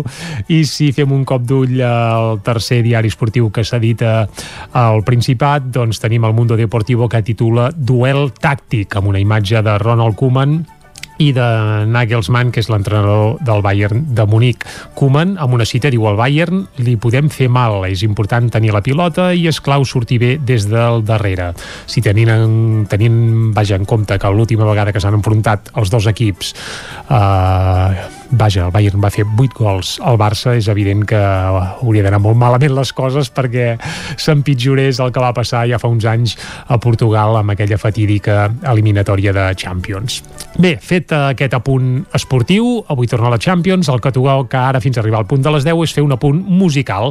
Ahir ja vam avançar que aquesta setmana el que escoltarem són peces relacionades amb el mercat de música viva de Vic, perquè aquesta setmana, a part de la ser la del retorn de Territori 17, la del retorn a les escoles, la de la taula de diàleg, doncs és també la setmana del Mercat de Música Viva de Vic. I en aquest mercat ahir escoltàvem el més nou de Roger Mas i avui escoltarem el més nou del petit de Cal Aril, el Joan Pons, aquest xicot de Guissona, que també treu disc nou el seu nou disc, que presentarà precisament a Vic eh, aquest proper 15 de setembre a les 10 del vespre amb un concert al Teatre Atlàntida, pel qual ja no queden entrades, per cert, per tant, si no la teniu, doncs ja heu fet tard. Doncs el nou disc es dirà No sabràs com acabarà la història. Aquest és el títol del nou disc que presentarà aquí al mercat el Petit de Calaril i la peça que escoltarem ara és un dels primers singles que ja s'ha donat a conèixer d'aquest nou disc. La peça es titula Ara o mai, un títol que per cert fa 5 o 6 anys també havien fet servir els Lacs en Bustó per una cançó que tenia certa, certa gràcia. Cal dir que el petit de Cal Aril compta amb un músic usonenc, l'Artur Tort, als teclats, per tant, ho citem, ho deixem dit, que sempre està bé escombrar una mica cap a casa. I ara, fins a arribar al punt de les 10, us deixem amb aquest Ara o Mai del Petit de Calaril, una peça de les que apareixeran al seu nou àlbum No sabràs com acabarà la història. Fins a les 10, al Petit de Calaril. No, oh no, I don't mind. My, I know que no tens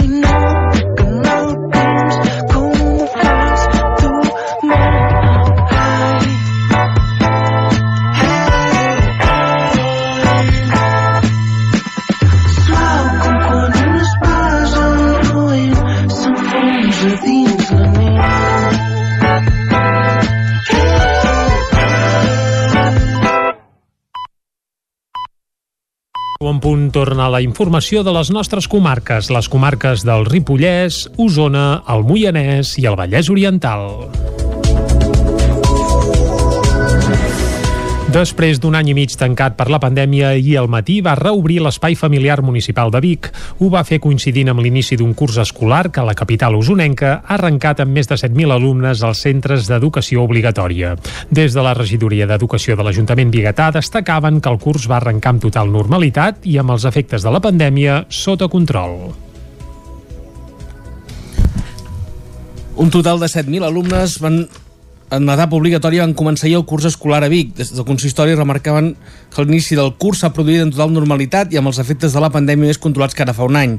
Escoltem Elisabet Franquesa, regidora d'Educació de l'Ajuntament de Vic. amb ganes de tornar-hi ser, sense tanta por com es va iniciar el curs passat, doncs perquè la- l'efecte de la pandèmia està com molt més controlat i tothom sap una mica el que li espera i el que ens ve.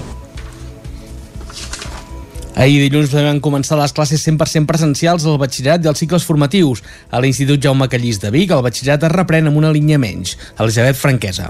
Sí que es treballarà per intentar veure si es torna a reobrir el callís, perquè realment eh, hi ha molta demanda. Eh, també hi ha hagut un canvi d'equip directiu, aquest equip directiu nou doncs, també ho ha agafat amb molta empenta, amb molta força, i és un dels temes que vol prioritzar, per tant, treballarem conjuntament amb el departament perquè puguem ajustar no, aquesta demanda i aquesta oferta. On també ha començat el curs és a les escoles bressols municipals. S'hi oferten 243 places i de moment un 91% ja estan ocupades.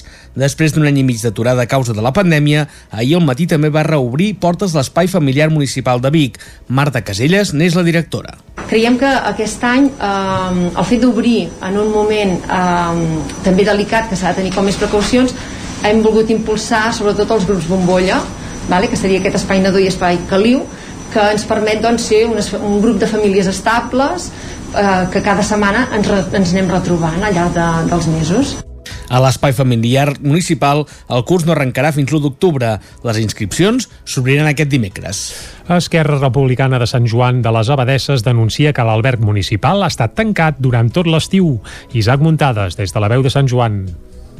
El grup d'Esquerra Republicana de Catalunya de Sant Joan de les Abadeses no entén per què l'alberg ha estat tancat durant tot l'estiu. De fet, el període que aquest equipament ha estat inactiu s'ha d'ampliar fins al mes d'octubre de l'any passat, tot i que cal dir que molts d'aquests mesos no podia obrir a causa de les restriccions per frenar la pandèmia de la Covid-19. El portaveu republicà, Sergi Albric, va subratllar quins perjudicis se'n derivaven del tancament. amb les implicacions que té doncs, a nivell econòmic, turístic, comercial, social per Sant Joan. Al final de les 8.000 pernoctacions que té l'alberg al llarg de l'any, la meitat d'aquestes es produeixen als mesos d'estiu i per tant que més de 4.000, 5.000 persones que dormen a l'alberg doncs, no hi siguin en els mesos d'estiu, és evident que això és negatiu pel poble. Per tant, nosaltres el que considerem és que no s'ha vetllat correctament perquè l'alberg estigui obert i el responsable que l'alberg estigui obert al final és qui és el titular de la concessió i el titular de la concessió és el propietari de l'alberg, que és l'Ajuntament. El BRIC ho va considerar un error greu i que no es pot tornar a repetir, a més d'insistir en que s'obri com més aviat millor, encara que ara ve la temporada baixa i que les millors dates són de finals de maig fins a principis de setembre, un fet que implica que la pròxima temporada alta ja se'n va cap a l'estiu de l'any 2022. Cal recordar que a finals del passat mes de març el ple de l'Ajuntament va aprovar per unanimitat la concessió de l'equipament a la Direcció General de Joventut perquè Xenescat, l'organisme que gestiona la xarxa d'albergs públics de Catalunya, se'n fes càrrec. Esquerra va criticar que no es planifiqués correctament aquest traspàs de l'equipament entre les dues administracions. El regidor republicà també es va queixar de la mala planificació en altres aspectes. Hi ha un tema de personal, que el personal de la policia local n'hi ha menys a l'estiu, ja sigui per dos motius. Un és, evidentment, perquè el, el personal ha de fer vacances i el segon és perquè també hi ha un policia local doncs, que s'ha d'incorporar en, en breu. No? Què passa? Que això també afecta a la brigada municipal. Tenim menys efectius perquè la gent, eh, evidentment, té de fer vacances i fa vacances. Què passa? Que els responsables del personal, en aquest cas, eh, és uh, l'Ajuntament, han de preveure que hi haurà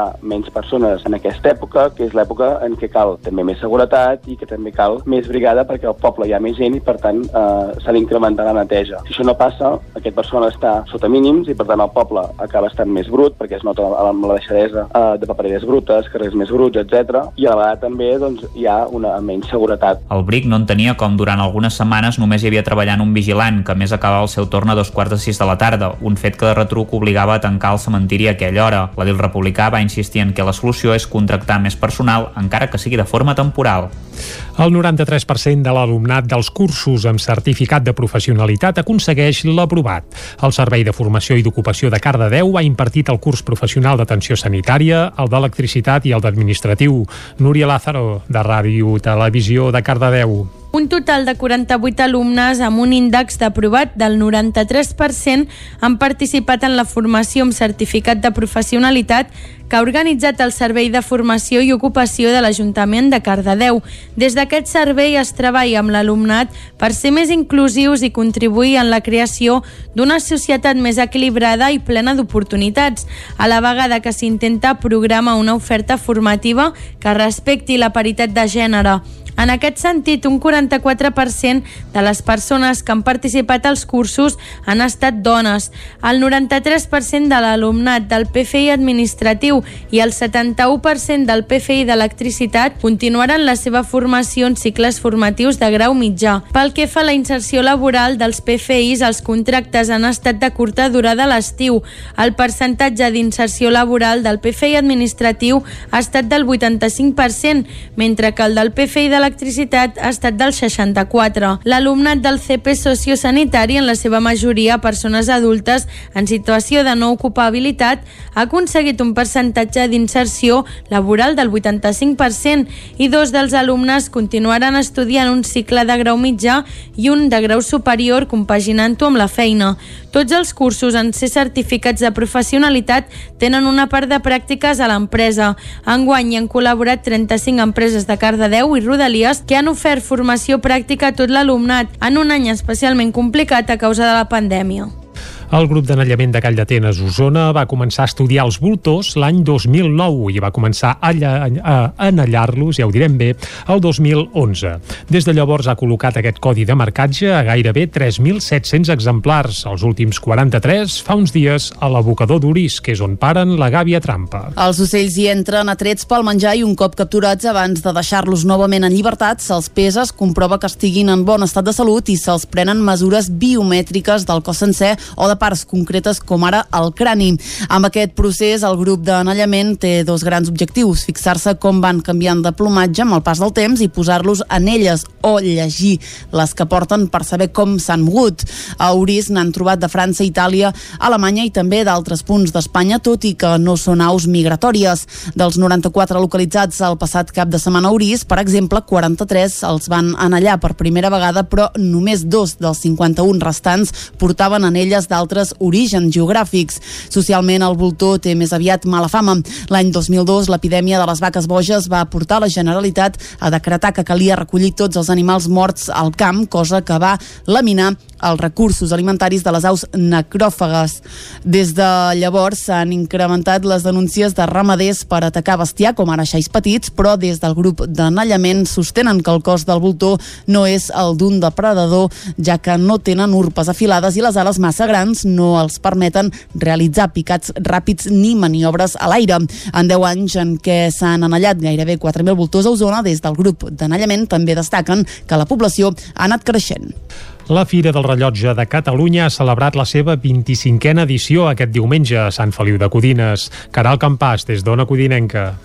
La plaça Josep Humbert de Sant Feliu de Codines va acollir durant aquest diumenge al matí la Fira del Rellotge de Catalunya on s'hi van acostar centenars de persones. Un espai amb 18 expositors de compravenda i reparació de rellotges de tot tipus i mides. La fira es va haver de suspendre el 2020 i aquest 2021 es va decidir canviar la tradicional data del tercer diumenge de maig per fer-la ara al setembre. Sentim Josep Vilanova, president de la fira. Home, doncs ho valorem perquè si tu has passat per la plaça veus que està bastant concorreguda. Jo no, després de, de dir que potser plauria i a més a més d'haver-ho plaçat en lloc del tercer diumenge de maig, en aquest dia que és un dia diferent, no ens esperàvem pas tanta gent amb aquesta 25 fira de rellotge que està plaçada des de l'any passat amb aquest. Paral·lelament a la fira, el Museu del Rellotge de Catalunya també va obrir les portes a la població. En el marc d'aquesta 25a edició, l'exposició va comptar amb una col·lecció especial de més de 600 peces de claus de donar corda d'un col·leccionista de Girona. Esports. Aquest proper diumenge es farà la vuitena edició de la marxa cicloturista Jofré Riu Primer.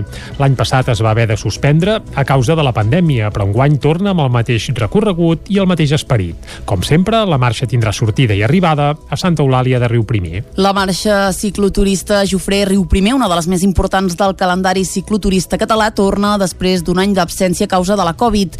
La prova, que es va presentar dimecres passat a Santa Eulàlia, es celebrarà aquest proper diumenge complint amb totes les mesures de seguretat i els protocols que marca la pandèmia.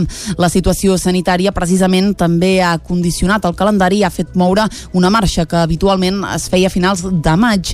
Aquests canvis faran que la participació no sigui la mateixa del 2019, quan es va assolir el rècord de 950 participants. Josep Jofré és un dels organitzadors de la prova. Esperem menys participació que l'última edició, però, però és cert que doncs, en els moments que ens trobem doncs, crec que anirà bé també per, per tots i per seguir bé els protocols i, i que tothom doncs, pugui desenvolupar-la amb, amb total seguretat. Pel que fa al recorregut, Jofré explica que no es preveuen canvis. Mantenim els dos recorreguts, un de 111 quilòmetres i l'altre de 154. Uh, és un recorregut molt atractiu, també pel territori, perquè crec que els ciclistes que venen de fora i venen aquí a Riu Primer i venen a la comarca doncs podran passar per, per la comarca d'Osona uh, per la del Baix, uh, pel Berguedà i el Bages uh, són territoris uh, poc coneguts a vegades pel gran públic però que una vegada hi passen i ho veuen doncs veuen de la bellesa de nat naturalesa que hi ha no? Des de Vic també van voler ser a la presentació de la marxa per agrair la feina que fa Jofré per la promoció del ciclisme des de la seva escola. Titi Roca és el regidor d'Esports de l'Ajuntament de Vic. És una escola que és la més important del nostre país Catalunya i, i segurament també eh, la més important de, del país del costat que és Espanya, per tant eh, agrair no? el treball que es fa i sobretot en moments com l'any passat eh, dedicar-s'hi, fer-ho bé, estar per, per la canalla i pels més grans i sobretot amb aquest entusiasme perquè aquestes coses que es fan es fagin ben fetes com aquesta marxa. Una marxa que aquest any s'ha vist obligada a canviar el guió final que habitualment acabava amb un dinar popular. Els ciclistes, però, no marxaran a casa amb la panxa buida, ja que se'ls entregarà un entrepà de botifarra de Riu Primer. Les inscripcions, per cert, estan obertes fins aquest proper dijous. I fins aquí el butlletí informatiu de les 10 del matí que us hem ofert amb Clàudia Dinarès, Núria Lázaro, Caral Campàs, Isaac Muntades i Arnau Jaumira. I ara, quan són les 10 i 12 minuts i mig del matí, el que farem és refrescar la informació meteorològica per saber el temps que ens espera per a les properes hores. Hi haurà tempestes avui, sí o no? En Pep Acosta ens ho aclarirà de seguida.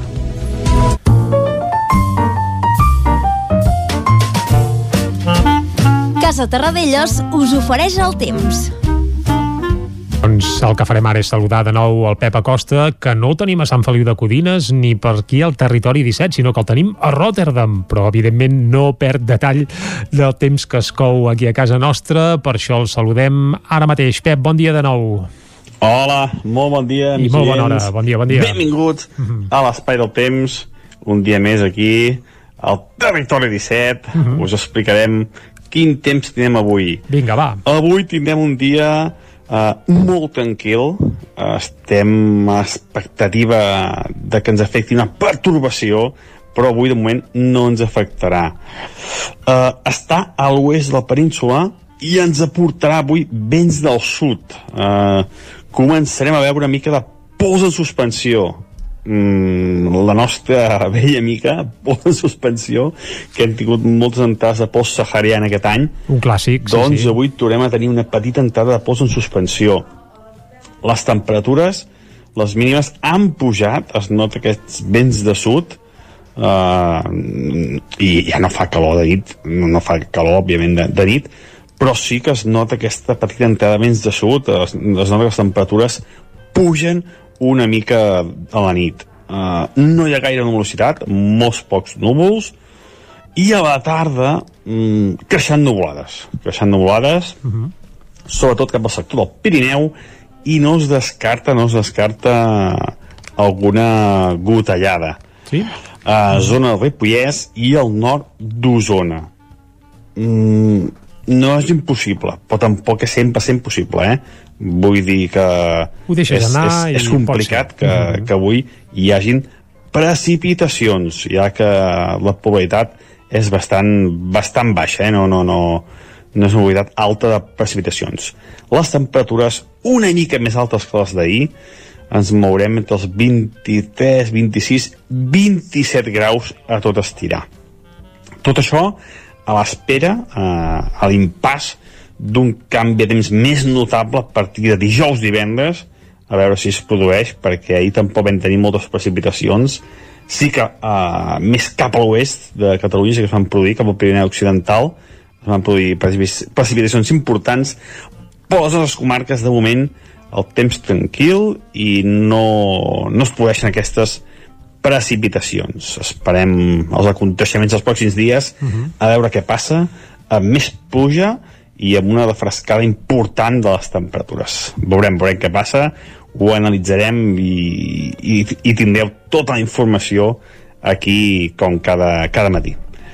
Moltíssimes gràcies i fins demà. Adeu, bon dia. Vinga, Pep, va, moltes gràcies a tu i estarem al cas d'aquest canvi de temps que ens augures que arribarà de cara als propers dies, amb refrescades i més pluges que ja fan falta, i tant que sí. Doncs fet aquest apunt meteorològic, agafem aire, mig minutet i de seguida ens capbussem a l'entrevista. Casa Tarradellas us ha ofert aquest espai. Territori 17. Envia'ns les teves notes de veu per WhatsApp al 646 079 023. 646 079 023. WhatsApp Territori 17.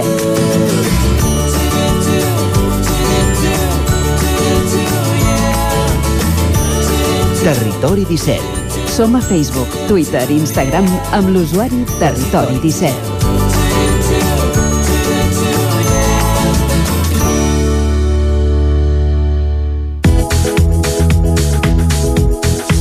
Passen dos minutets d'un quart d'onze del matí, seguim en directe aquí a Territori 17.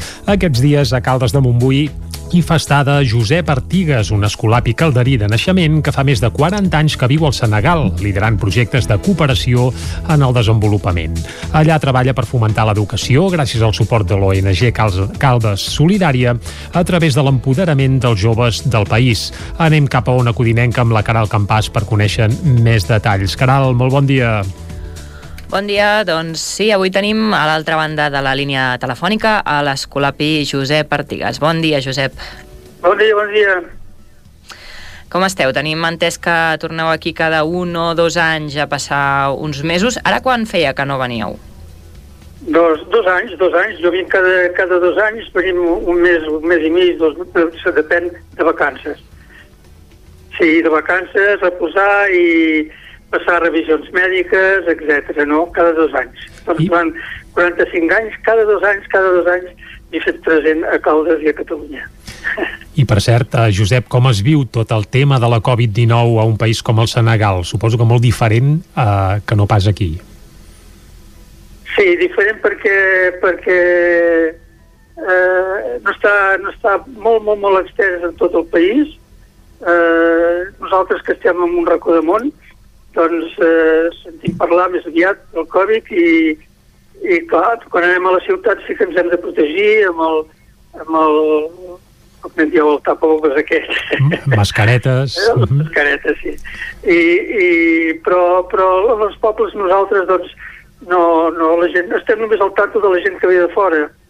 De fet, el Covid que ha vingut al Senegal a causa de les grans manifestacions religioses, no?, dels, dels morides i de, que la gent ha vingut a, a Dakar i a Tuba i tal, i ens han portat eh, això. Però bueno, a Dakar sí que hi ha hagut molt, molt, molt, molt, molta, molta enfermetat i uns molts morts inclús, però a les regions eh, es fa cura que no, no, no ens vingui. Quan, quan agafem un bus o un, un transport públic, doncs ens protegim i mirem d'estar de, de, al, temps, al tanto. Ha vingut les vacunes, eh, jo me'n patim, un poble que està, no sé, a 500-600 quilòmetres de Dakar, doncs eh, la vacuna va arribar, vam ser els primers d'anar-hi per donar més, més, més aviat exemple a la gent. Mm -hmm. La gent no hi anava perquè no sabia de què anava, però ara sí, de mica en mica, les vacunes van arribant i la gent es va interessant a, a prendre-les. Però no és com aquí, no és com aquí, ni molt menys. Uh -huh. Treballeu a la regió més pobra del país, a Casamans. Com us ho feu per fomentar doncs, l'escolarització de la població, que és el que us dediqueu, bàsicament? Bueno, nosaltres, nosaltres estem ara, mm, de, des de 3 anys, a l'interior de la Casamans, al sud del Senegal, i cap a l'interior és la Casamans, la Casamans, la Hot Casamans, no l'altra Casamans. Nosaltres havíem començat a la Baix Casamans, que és més escolaritzada, més oberta, i estem ara en un interior en un lloc que és més aviat un lloc fronterer entre la Guinea Conakry, la Guinea Bissau, Gàmbia, doncs en un lloc de molta immigració de la gent cap a, cap a aquest territori i la gent doncs està, eh, diguem que eh, està molt, molt, molt despreocupada de l'esdevenidor, no? Fan, només eh, intenten viure el dia a dia.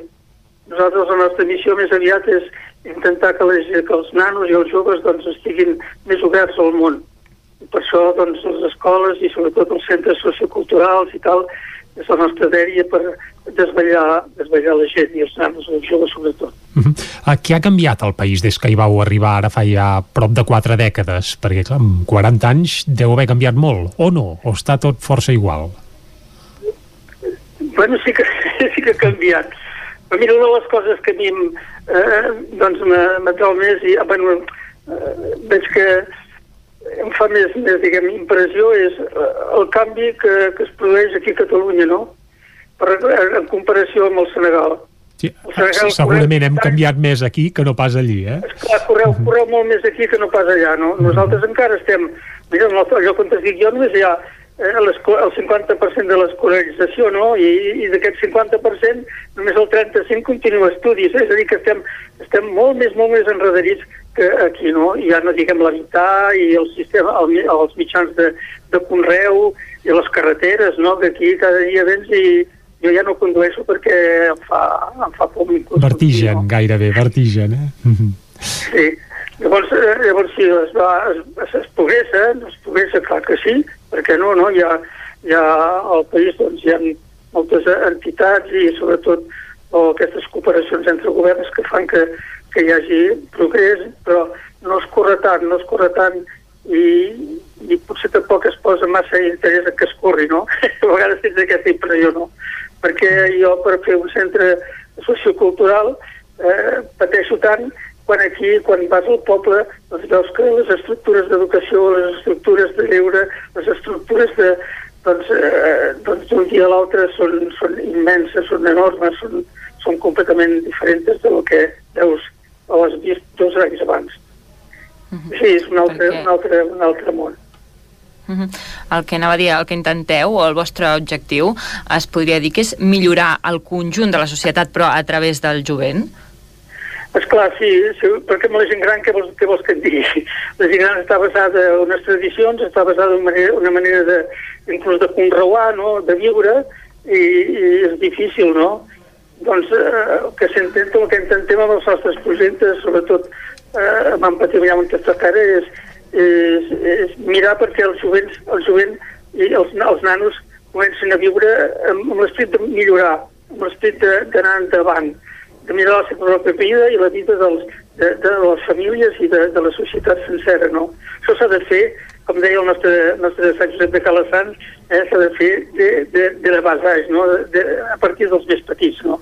Mira, jo volia, volíem fer nosaltres eh, eh, aquí a Manpatín un centre de formació professional. Aquí volíem anar, exacte. L'any 2019 eh, teníeu aquest projecte entre mans, eh, d'intentar fer un centre sociocultural a Manpatim. Uh -huh. Bueno, aquest, aquest centre ja està mig construït, eh? estem, uh -huh. ja, ja, estem, ja, ja funciona, falta, falta construir només les classes, instal·lar doncs, eh, tot el necessari per poder per poder fer, organitzar formacions i animació de jovent, etc. Però ja, ja, ja, ja ha construït una gran sala, uns espais per esport, eh, perquè si volem que els nois es quedin al lloc eh, han de trobar l'espai necessari per trobar-s'hi bé. I doncs s'ha de fer una sala perquè inclús puguin ballar, una sala, uns, uns espais perquè puguin jugar bàsquet. I, i, i ara construïm unes sales perquè puguem organitzar un, una formació més, més diguem, reglada, no? encara que no sigui una escola, però sí que és eh, per animar els joves a, a desvetllar-se. I demà, un altre dia, doncs, com hem fet al Senegal, doncs ja si podem fer una, una, una escola de formació professional eh, agropastoral perquè allà el, la gent són pastors la gent són, són agricultors a veure si podem fer això. Ja n'hem fet dos al Senegal, uh -huh. potser, potser, potser en farem un tercer. I aquest centre de formació professional que ens comenteu de cara a formar pastors, per quan podria ser realitat aquest tercer centre? Bueno, si el centre, de, si el centre eh, eh, sociocultural que estem organitzant ara uh -huh. funciona, d'aquí 3 o 4 anys segur que, que si corro per allà encara, perquè ja soc una mica grandet, eh? Si corro encara per allà segur, segur que, que sí, segur que sí eh, segur que, segur que el presentaré a algun altre, al Fons Català o a través de Calda Solidària o, o, o Sant Feliu, no sé, eh? perquè potser encara pujaré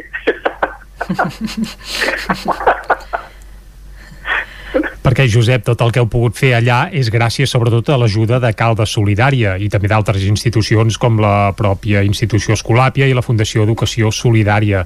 Suposo que és molt important el suport i la inversió externa, oi?, per poder tirar endavant projectes d'aquestes característiques? Jo, jo, jo, nosaltres no som, no som superhomes, eh? Si, si tot, tot el que fem tot el que fem és gràcies, gràcies a altra gent, no? Nosaltres, mira, hem tingut no sé, diguem, vosaltres en dieu, en diem la vocació, però hem tingut diguem, la sort o, o, o, o la, la vida ens ha portat a estar allà, eh, però sense, sense el suport de la gent d'aquí, francament no, no, no hauríem pogut fer res, no?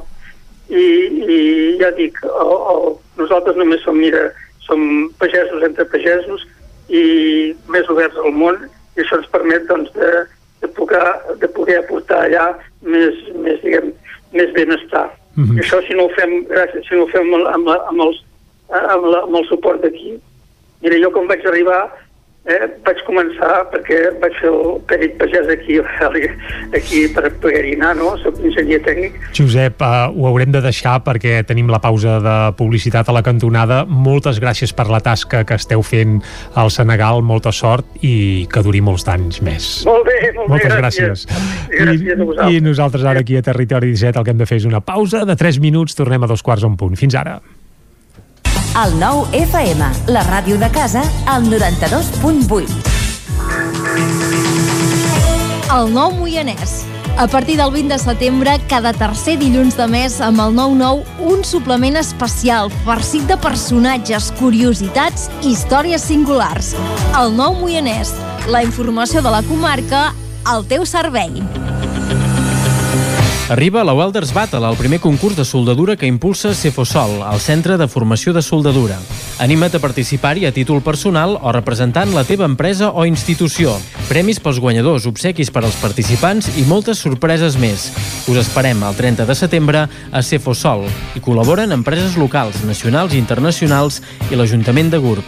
Apunta't enviant un correu a info arroba cefosol.com.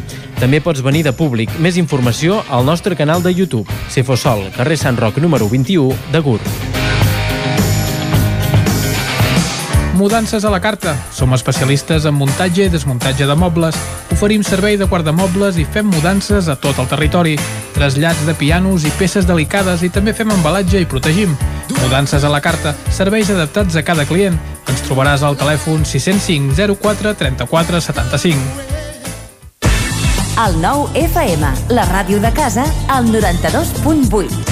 Anuncia't al 9FM. La màquina de casa. 9 3 8 8 9 4 9 4 9. Publicitat arroba al 9FM.cat. Anuncia't al 9FM. La publicitat més eficaç. OBS, la marca de moda líder a Itàlia, arriba a Vic amb la col·lecció per nens fins a 15 anys.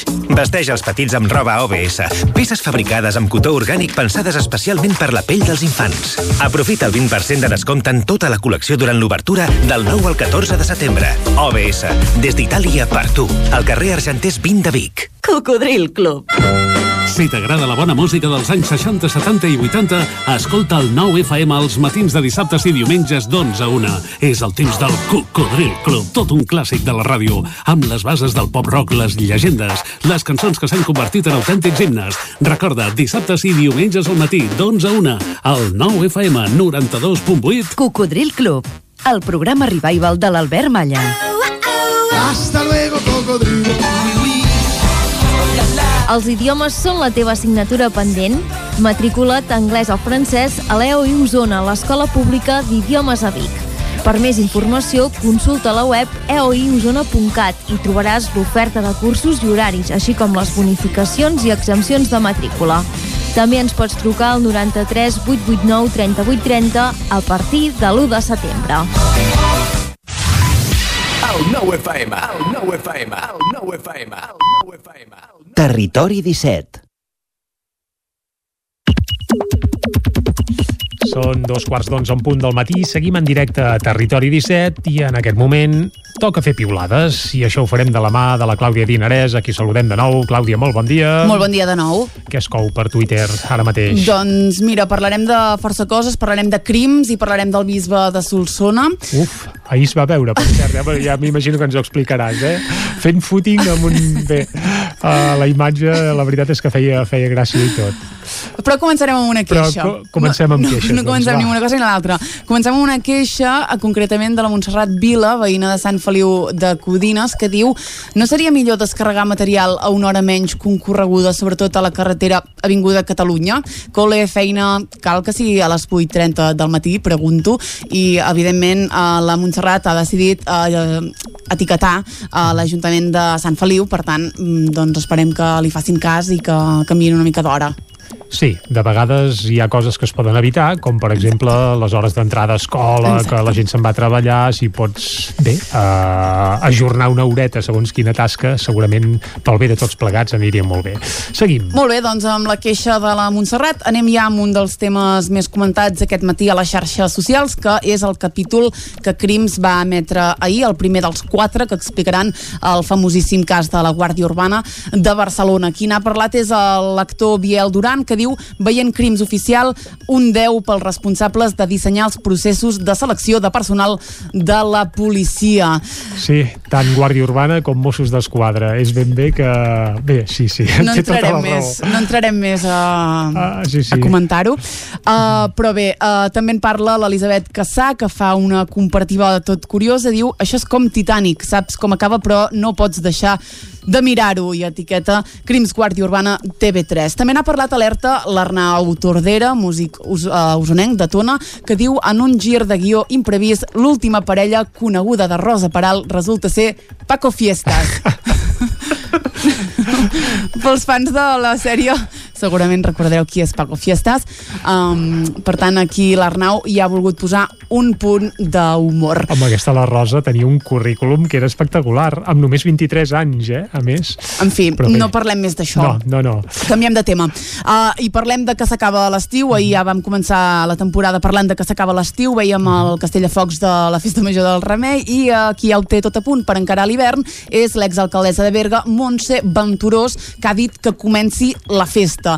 El hashtag és la nou i l'altre hashtag és Països Catalans i alerta perquè la, la Montse Venturós adjunta una imatge de, llen, de llenya per fer foc doncs, aquest hivern. Els comentaris doncs, li diuen que quina sort, no? que afortunada doncs, de ja tenir uh, preparada la llenya. Hi ha gent que li agrada l'hivern, Jordi. Sí, no, no, a mi, per exemple, sí, sí, però vaja, en teoria no. l'estiu meteorològic eh, potser sí que ja s'ha acabat, però el convencional fins al 21 de setembre encara el tenim, el tenim aquí. Doncs Més. va, acabem amb el bisbe de Solsona, ja ho he dit al principi de la I tant. secció. La gent ho espera ja. ja. Exacte. I és que les càmeres de TV3 l'han localitzat, també ho han fet molts altres mitjans de comunicació, i les xarxes no s'acaben de posar d'acord sobre quin tractament s'ha de fer uh, sobre aquest tema. L'Aina Soler uh, diu acabo de veure que TV3 ha perseguit a l'exbisbe Novell a l'estil dels reporters de Sálvame, i una usuària li diu ha sigut al·lucinant, el Telenotícies de TV3 fent de Telecinco, que el deixin en pau, té dret a fer amb la seva vida el que vulgui, només faltaria, i diu vergonya de TV3. I l'Aina Soler torna a contestar i diu esperant-lo a casa seva a l'hora que surt a fer esport molt heavy. En fi, uh, la gent no s'acaba de posar d'acord sobre què s'ha de fer i què no uh, amb aquesta notícia i acabem la secció i ho fem parlant d'una reflexió que ha fet la Montse, una reflexió que arriba després del cap de setmana. Diu, comença a ser insostenible això de viure com si en tingués 50 de dilluns a divendres i com si en tingués 16 al cap de setmana. Carai. Uh, Sabia que t'agradaria. Que reflexioni, sí, sí, encara no he arribat als 50, però ens hi anem acostant. Uh, ho pensarem quan hi arribem. Molt Clàudia, bé. moltes gràcies. Que vagi molt bé, fins ara. Vinga, i nosaltres, abans d'anar cap a la taula redacció, farem un cop d'ull a què diu ara mateix el 99.cat, les portades del 99.cat, que les repassem cada dia aquí a Territori 17, i ara, quan passen 5 minutets de dos quarts d'onze, també ho farem amb l'Arnau Jaumira. Arnau, bon dia.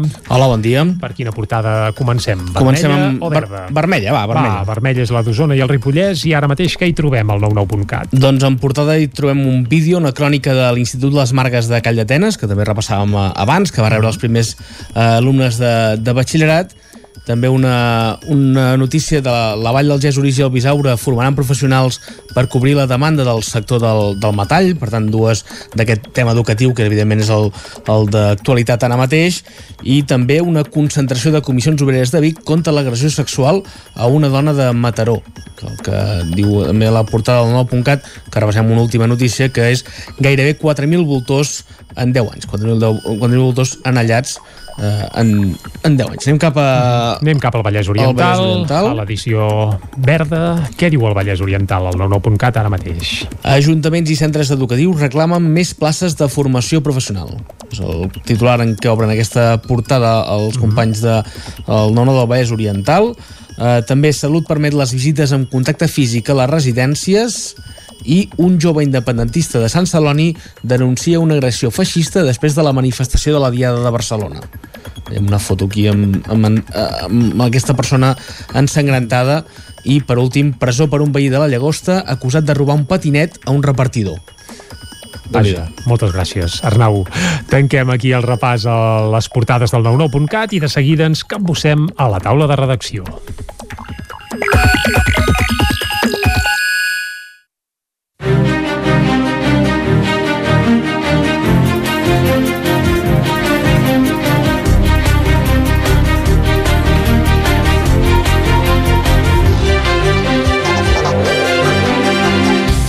Una taula de redacció que avui compartirem amb Víctor Palomar i Jordi Vilarrudà.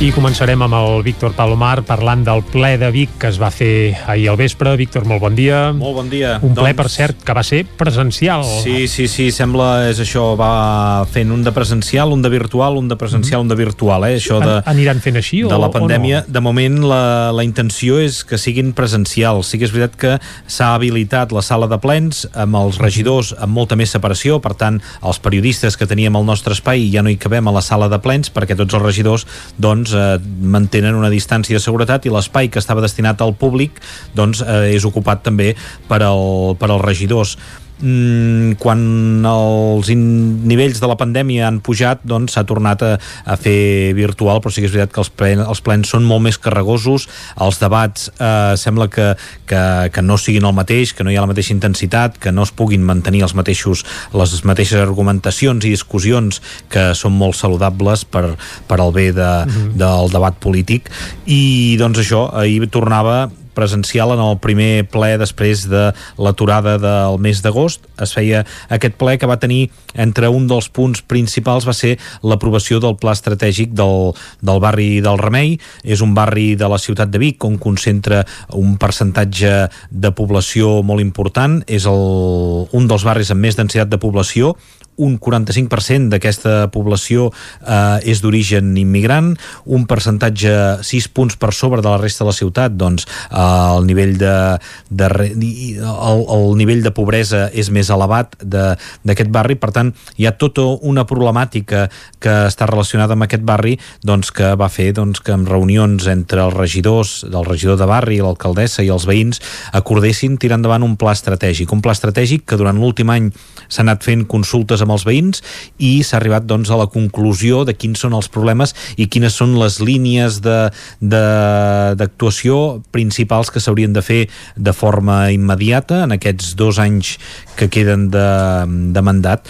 Els veïns eh, sorprenen una mica perquè amb les enquestes acaben dient que estan contents, viuen bé el seu barri, però que té molts problemes, problemes d'incivisme, de, fins i tot d'ocupació de, de pisos, de sobreocupació de pisos, eh, hi ha tràfic de, de droga, als espais hi han pocs espais públics, espais on socialitzar-se, aquests espais de socialització, la gent més gran doncs considera que els ocupen eh, persones eh, eh, provinents de, de fora que han arribat recentment, problemes de convivència que es donen amb menys o major grau a tot arreu, però en un lloc on hi ha unes característiques com aquestes, del barri del Remei, que el fet que hi hagi aquesta concentració d'immigrants no acaba sent culpa de ningú perquè eh, la gent el que va buscar és un lloc de treball i un habitatge assequible i el lloc de Vic on hi havia aquests habitatges assequibles doncs estava en aquest barri doncs hi ha aquesta concentració. Per tant, havent-hi aquesta realitat el pla estratègic apunta diferents opcions.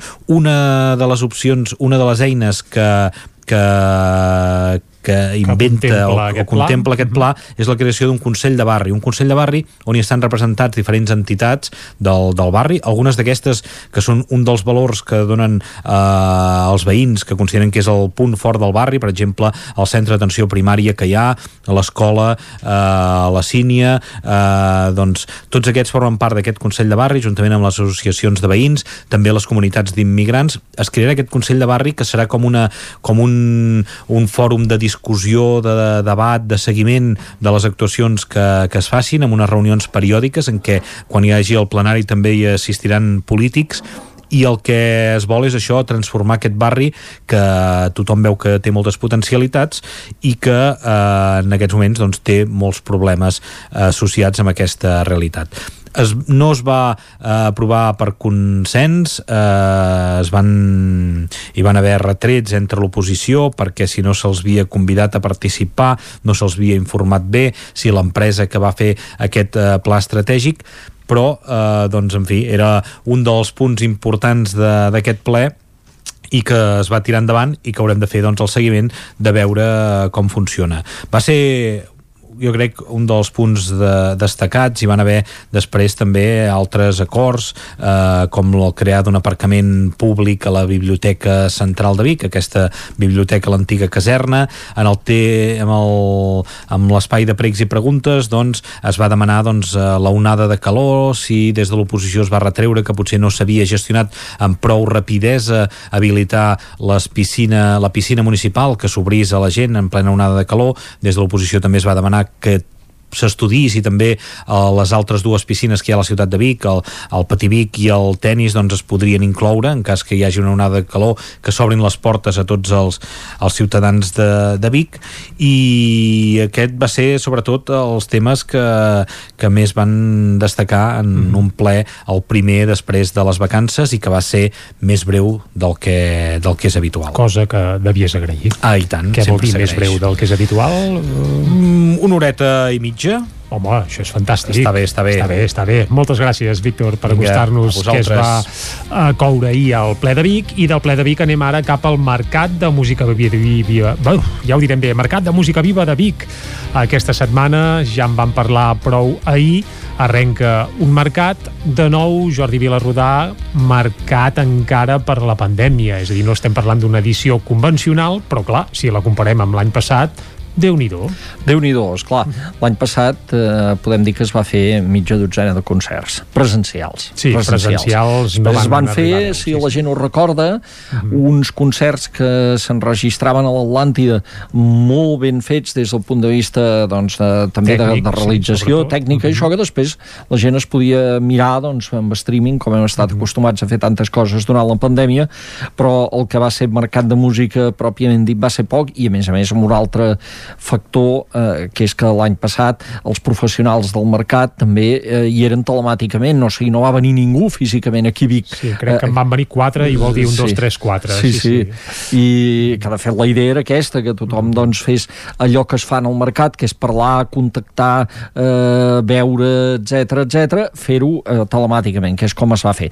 Clar, què canvia aquest any? Doncs que, per exemple, demà arriben mitja entrada professionals físicament, que seran a Vic i que faran aquesta aquesta feina. S'ha limitat, eh, perquè hi hauria més inscripcions a les que d'aquestes 500, però s'ha limitat a 500 persones que, a més a més, doncs, passaran els testos corresponents, etc etc i, i estaran a Vic fent, fent uh, veient concerts i, i veient, sobretot, coses per programar. Són programadors molt de, de proximitat, eh, de Catalunya, de l'estat espanyol, eh, no hi ha programadors internacionals, internacionals. per raons òbvies, uh -huh. però bona part del que potser veurem doncs, durant la temporada en, eh, en teatres, en auditoris, en sales, etc aquí a Catalunya doncs, sortirà d'aquests tres dies doncs, que els professionals estaran a Vic. El mercat en dura quatre de dies, o sigui, comença demà dimecres, sí, s'acaba... un parell o tres d'anys, eh, que sí, es va avançar tot plegat exactament, i es va avançar i s'acaba el dissabte, dimecres. diumenge no hi ha mercat, uh -huh què notarem de diferència? O sigui, a veure, el gran públic de mercat en notarà dues de diferències, jo crec, bàsiques. Una és que no hi haurà concerts al carrer, o sigui, la gent no voltarà el cap de setmana i es trobarà aquells grups a cada cantonada, perquè els espectacles s'han de fer seguts i no en públic assegut, i per tant, això no és possible. I l'altra gran diferència és que les imatges aquestes que identifiquen el mercat de música, les icones del mercat de música, sobretot la plaça Major i també el Sucre, escenaris dels grans concerts, aquestes no hi seran, però sí que s'habilita una zona de concerts a la zona esportiva, és a dir, per entendre's allà on es va fer els que van assistir al Festival del Cabró Rock el passat mes de juny. Eh, I allà doncs hi haurà els concerts grans de la nit de divendres i de la nit de dissabte. Eh, demà, què comença? Doncs comencen els escenaris, doncs a l'Atlàntida hi ha escenaris, per cert, a l'Atlàntida dins, a l'Atlàntida fora, a la Carpa, a la plaça del Carbó, davant de la Jascava, hi ha escenari també doncs, a la plaça dels Màrtirs, que també és un altre clàssic, eh, i a la Bassa dels Hermanos. Eh, són llocs on es podran veure concerts. Si la gent mira la web, sí que és veritat que ara es trobarà que moltes entrades estan exaurides, eh? Sí, perquè això passa a molts, ja hi ha molts concerts, concerts moltes clar, propostes, les limitacions... els més llaminers. Eh, sí. Efectivament. I sí que és també és veritat que potser els grans concerts, ara no ho he mirat abans de venir, però el, si algú vol anar a veure Cos Grasses divendres allà a la zona esportiva segur que encara trobarà entrades. Eh, aquest serà un dels concerts grans, per exemple, el de, el de Zo i Su el dissabte, que, dissabte que és un que, que a més a més retransmetrà el nou TV. Correcte. Doncs eh, aquest segur que encara queden entrades. Què trobarem? Doncs eh, aquests primers dies hi ha eh, coses molt interessants, eh, perquè aquí venen a presentar disc nou, per exemple, exemple, doncs entre demà i demà passat hi tindrem el petit de Calaril en Roger Mas presentant treballs nous. El don Roger Mas sempre és molt esperat, és, és una persona, clar, és, és ja doncs el cantautor de referència Segur, gairebé. i tant. I el petit de Calaril sempre amb, amb aquesta creativitat que porta de, de, de, de què en 4 anys ja ha fet 3 discos eh, i a més a més no ha parat d'actuar i a més a més té un estudi de gravació i a més a més etc etc. Aquest xicot... Eh, que, és, que és un no no parar dorm, no dorm. doncs eh, treu un nou treball que uh -huh. diu No sabràs com acabarà la història i que també es presenta doncs, al, al Mercat de Música Viva a part d'un espectacle, d'un concert inaugural que serà bastant curiós eh, Jansky, eh, és la Jansky, banda sí, sí, són la Laia, la Laia Malo, que és poeta, en Jaume Reus, que és, que és flautista i que és productor, i han fet una cosa molt curiosa. Han gravat sons d'insectes de Mallorca, que és d'allà on són ells, i els eh, converteixen en música electrònica. Eh, eh, ep, eh, eh, això ho diem ara sense haver-ho vist, perquè per és, el, és el que sabem, però demà veurem què és això, però en principi sona molt, molt, molt curiós i molt experimental eh, això que, que veurem demà en el concert inaugural, no? Millor que els insectes els gravin, que no pas que els portin Sí, sí. físicament per aquí Exacte. i després vés a saber en què fi, podria passar. eh, no podem fer tots els no podem fer ara un resum de tots els concerts que hi ha. No, no, no, sí que direm també que demà el primer de tots de concert és un concert que no hi pot anar la gent però perquè és només per professionals hi ha uns quants concerts que són només per professionals però l'esmentem perquè la Coloma Bertran que és d'aquí, que és de Vic, violinista i presenta un disc nou, un projecte nou que es diu Principis que, que ja és el segon disc que, que fa en, en solitari ella que ha col·laborat amb molts músics i que, en solitari en aquest cas com a projecte d'ella. Però en aquest cas no tan solitari perquè està amb, amb quartet amb músics de solvència contrastadíssima i molt coneguts aquí com el Quim Abraham, el Joan Carles Aguerri el Franco Molinari que l'acompanyen en aquesta aventura. És un avançament perquè el disc sortirà a principis d'any però d'això serveix al mercat de que ara els professionals ja vagin veient ep, eh, com sona la Coloma Bertran que serà la que a les 11 del matí demà eh, farà la primera nota del mercat de música viva d'aquest any. I allà seràs tu, Jordi, eh? i allà hi serem. Doncs et trucarem demà i ens expliques com ha anat el concert, què et sembla? perfecte, perfecte Doncs va, Jordi, ja tenim deures. Ens Molt bé. emplacem demà i Ens ens, escoltem demà. i ens expliques com ha anat aquest primer concert del Mercat de Música Viva. Vic. Molt bé. Doncs amb en Jordi Vilarrodà i amb en Víctor, Boa- i amb en Víctor Palomar hem fet avui la taula de redacció aquí a Territori 17.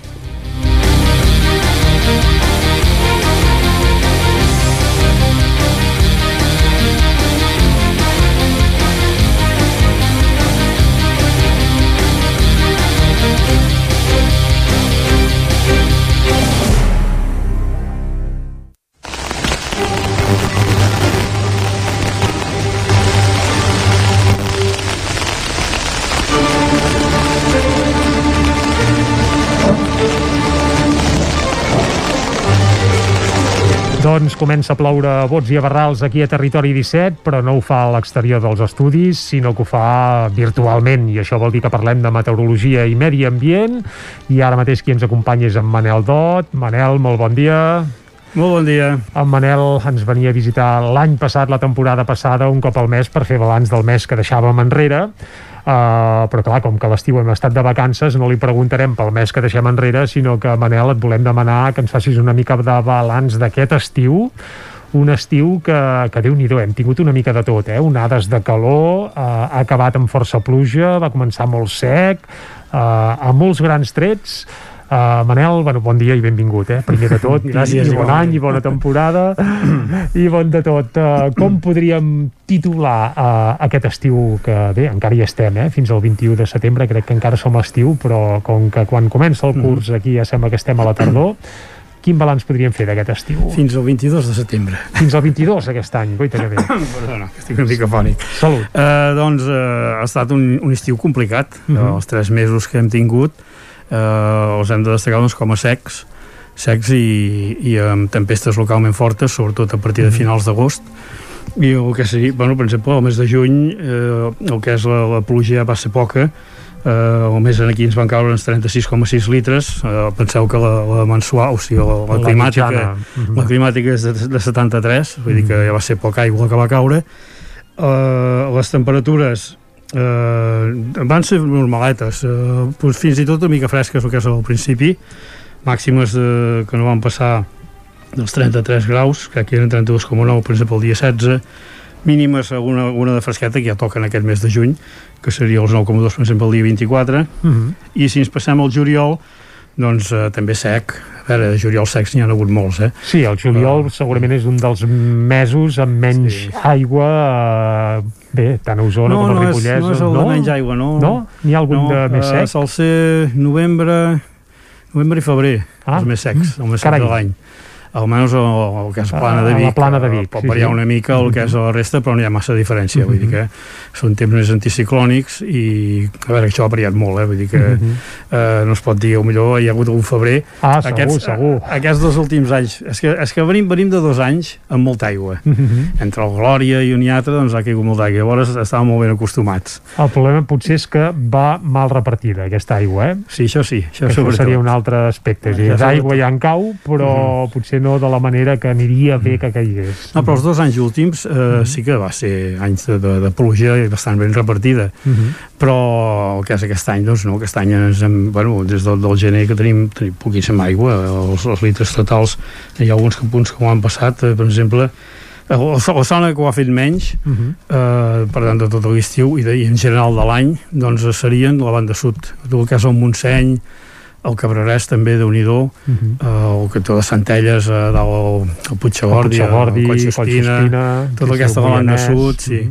és el dels punts que ha plogut menys i segueix sent dels més secs els de on ha plogut menys en tot l'any eh, no, no passen de 300 350 litres crec que eren Viladrau, per exemple, 380,8 litres. I a Viladrau, que és un dels llocs on hi ha més eh, aigua de, I dels nostres contrades, i tant que sí. El Rupit també en 389,4, és un dels punts que també cauen 1.300 i- o més a l'any. Eh, vull dir que tota la que és la zona sud i la zona del Cabrerès està, està se- sent doncs, seca. Uh -huh. Fins i tot, bueno, aquest estiu passat doncs, hi havia molts roures, que l'arbre és, el roure és un dels que És aguanta veritat. més. I a partir de principis d'agost ja els veiem rendits, eh, és a dir, bàsicament amb la fulla seca. Sí, sí, bueno, i anaven desprenent-se de la fulla perquè no la podien alimentar, no? perquè hi havia poca aigua.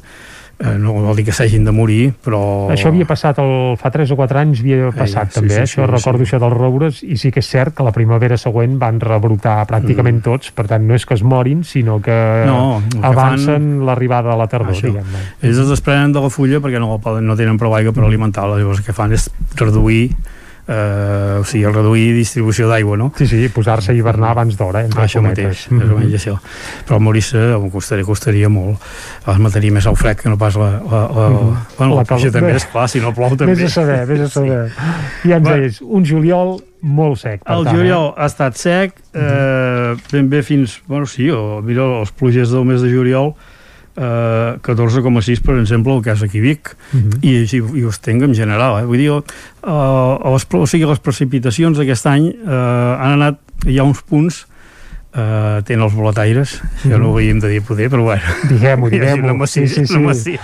Aquí, jo com a boletaire, Ja, per empatreït, i molta gent que ens escolta també sabem que és Per això gent de deia. bolets, i aquestes pluges de les últimes setmanes ja avanço que han fet que en comenci a sortir algun. Sí, senyor. Uh, I fins aquí... I, i però ja al està. principi Ripollès és més, Sí, més cap al aquí, Ripollès, d'hora, però eh? vaja, però Sí, déu nhi aquestes pluges van molt bé pels bolets. Això Uh, això el que he dit és, per exemple, que si, us- bueno, això es pot saber eh, de cara als cablets, mirant els punts que ha plogut més, és lògic, no? Uh -huh. Uh, diuen que ploure a finals d'agost i principis de setembre és quan els va més bé en els bolets. Això diuen. O sigui que tota aquesta sequera que hem passat enrere sembla que ho arreglarem per aquest, per aquest cantó.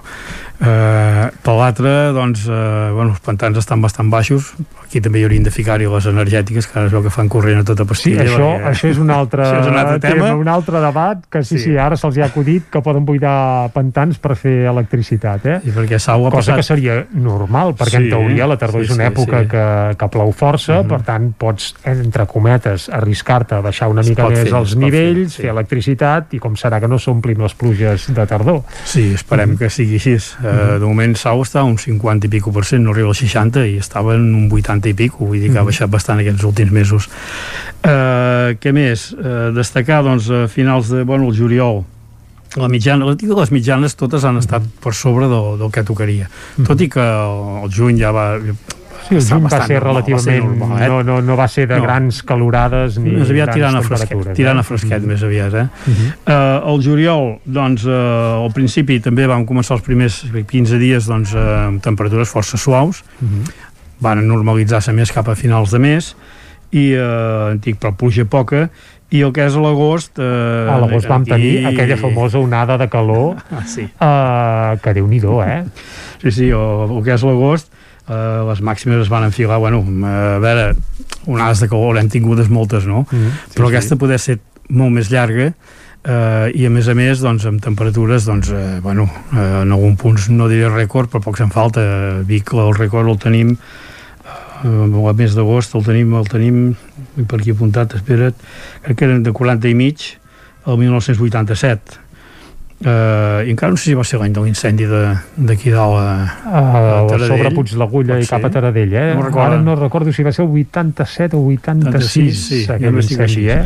Bueno, Però vaja. eh, es va arribar a 40, 40 i mitja o 1987. Aquest any doncs, hem quedat segons. Però és que, a més a més, ha set doncs, 4 o 5 dies seguits. Vull dir que Home, són, i a, a d'altres dies. indrets de la plana es van superar els 40 graus, eh, recordo Gurb i altres punts eh, Bueno, una mica més, no? Gurb posem-lo entre cometes. Sí, és a dir, a, a, aquella, aquella xifra que surt a Gurb... No, que... hi és, sí que ho és. El que passa que l'estació de Gurb, Mhm. igual que la de, de baix, eh, el que és eh, el cantó de Manresa, que me'n recordo ara aquí, també passaven temperatures de 43 graus. Mhm, correcte. Eh, també s'ha de veure la instal·lació com està feta. Penseu que les, les, les estacions han d'estar en verb al terra, Mhm. eh, a l'alçada corresponent i lliures de, del voltant, que estiguin netes, que no hi hagi cap muntanyeta a prop ni de res, no? Ni Mhm. arbres ni d'això, bueno, arbres. Eh, la d'aquí baix, eh, que no recordo el nom del cantó de Manresa, que també pujava amb temperatures de 43 graus. Correcte, cap a vora entre Eh, Manresa i Artés, crec. Aquell, que- sí, Mhm. aquella està, està ubicada en una zona de vinya. Mhm. Clar, al terra no hi ha herba, o sigui, és terra, és, és terra. Seca. Llavors sempre puja una mica més la temperatura. I a Gurb, diguem que tampoc compliria el 100% La de els Gurb requisits, eh? està darrere una muntanyeta plena d'arbres i és que a la banda nord no, no hi toca massa el que és la, les temperatures, o sigui, l'aire que ve de nord eh, el té res, està resguardada i això fa doncs, que també que les, puja, les temperatures pugin una mica més, però bueno, veure, No, no, eh, tot i així, tot i així és les, eh, la calorada va ser L'estació està ben muntada, està ben Sí, sí, muntada. sí, les sí. temperat- o sigui, les, els sensors funcionen bé, vull dir que Sí, estan sí. bé. L'únic problema és aquest, que està una mica reserada. Mhm. I, però, bueno, a Vic ens va quedar també entre Vic, la Guixa i els, i els voltants de per aquí, entre 40 i 41 graus, que en segurs, vull dir que... Que déu nhi una bestiesa. Sí, Sí, sí, A ser- més, no va durar un dia, va durar... Clar, No, onades de calor d'aquestes, Mm. ja n'hem viscut algunes, Sí. però habitualment un dia, dos dies, aquesta de l'agost es va allargar Mm. gairebé una setmaneta, eh? Va durar sí, 4, 4 o 5 dies, 5 Mhm. dies crec que era. Sí, sí. De l'11 al 15, temperatures altes que hi va haver. Ja venia ja venia del cantó de Grècia, i tot el Mhm. que és la banda de Turquia, tot el que la banda del Sahara, que va anar pujant aquesta temperatura i al final ens va arribar a nosaltres, Mhm. que va ser doncs, com vam tenir aquests 4 o 5 dies de, de superiors als 38, 39, 40 graus. Ens acostem a les 11 del matí. Uh, Mhm. Manel, allargarem una mica més, eh, perquè volem fer balanç de ben, ben fet d'aquest estiu. Mhm. uh, aquestes temperatures tan altes de principis d'agost van fer que al final d'agost creixessin potser més que mai també tempestes i, I tant. i nuvolades, sí? I tant, i tant, i tant. Eh, més la mitjana també va ser per sobre, tots tres mesos.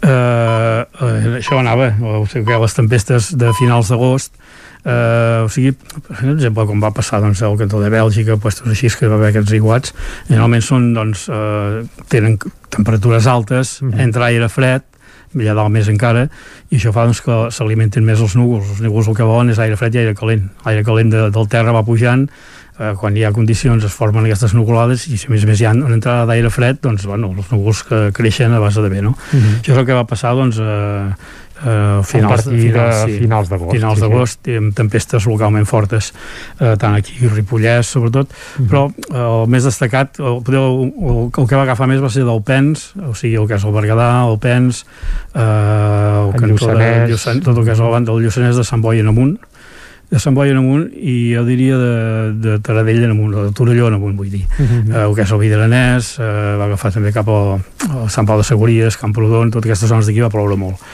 eh, la resta cap al sud doncs poc al centre encara ens en vam escapar però al sud poc i llavors destacar doncs, bueno, eh, alguna pedregada també que hi va haver-hi cap al cantó de, de Torelló amb pedres de, de, de mida de 2 euros i, bueno, per descomptat la de, la de setembre aquesta pedregada que hi va haver-hi uh -huh. uh, no recordo exactament quin dia va ser el, Sí, és igual. Bé, sí, no, no, no ens ve del dia, però sí, sí que és cert que sí. va fer mal i tot, eh? I uh, el Lluçanès va trencar vidres sí, de cotxes, sí, sí, Uh, va fer malbé persianes, mhm. -huh. tancaments, uh, vaja, va ser no va ser bèstia. Bèstia, el 6 de setembre, em comenta. Ja, no, dir, sembla que era el 6, sí. Sí, sí, el 6. Uh, I en aquí, bueno, va començar pel cantó del, del Pens. Uh, uh, en el Pens no va fer-ho, va fer molt poca cosa, però va com sobretot el que és entre Gironella i Prats de Lluçanès, eh, allà van caure les pedres més grosses hi ha un poblet que no recordo el nom que, que hi van caure pedres que pràcticament de la mida d'un ou de gallina. A Olvan crec. A Olvan, sí, sí, sí. Tenim un bon, un bon sí, l'Arnau Jaumira que, que és un bon meteoròleg que ens va filtrant algunes dades i tant que sí. Doncs la pedregada aquella va ser molt intensa i molt forta i va, bueno, el que és a Sant, a Sant Boi també per exemple mides doncs de pilotes de tennis uh mhm. -huh. eh, i bueno, vull dir que va ser, va ser bestial Déu-n'hi-do, déu nhi déu quin estiu que hem tingut amb una mica de tot, eh? Uh mhm. -huh. calorades, uh, fresques també, tempestes, pedra i per acabar, Manel, t'hem de demanar per com pinta per aquests mhm. propers dies. Sembla que ara estem una mica en una situació de relativa calma, però uh -huh. cap al cap de setmana es podria tornar a animar això. Sí, a veure, ens puja avui mateix les temperatures, les mínimes han estat altes, eh, mínimes que en alguns punts, els punts més alts han arribat als 20 graus, i algun l'ha superat i tot i les de la plana entre els 17 i 18 vull dir que en temperatures altes per això és perquè ens ve una, una massa d'aire càlida del sud uh mhm. -huh. que és el que fins i tot si caigués alguna gota seria acompanyada de fang vull dir, això aquest any que... és un clàssic és un clàssic, sí ja en vam parlar la temporada passada però és que mhm. deixarem el desert polit eh? el pas que anem. aquest pas que anem sí, sí. doncs eh, podria caure alguna gota que és Ripollès eh, la banda més al cantó d'allà i del cantó de aquí no crec que ens arribin eh, tot i que tenim bastantes nuvolades avui mm -hmm. i seran al llarg del dia i sí que hi ha alguna gota seria això acompanyada de fang eh, a partir de demà eh, demà som dimecres correcte si a tarda vespre sí que s'acosta una perturbació que ens podria començar a donar alguns ruixats i mm -hmm. sembla que al cap de setmana eh, Bueno, són ruixats locals. Uh -huh. uh, jo destacaria, que no havia pensat a dir-vos també aquest, el que va caure l'altre dia aquí a Vic. Bueno, Vic, entre Vic, uh, Callatenes, per exemple, uns 62 litres, aquí vi que van caure 54, 52, 54, no me'n recordo exactament ara, bueno, van superar els 50, tot el que és fora és la guixa... Això va ser divendres mm, passat, dia de la marxa dels biguetans, vigília de la Diada Nacional... Sí, sí, sí, uh -huh. això que a partir de dos quarts de deu us va haver acabat tot, eh, però, però clar, eh, va ser un dia complicat, i eh, ruixats d'aquests en podem tornar a tenir, poder no tan forts com aquests que va ser molt bèstia, que la veritat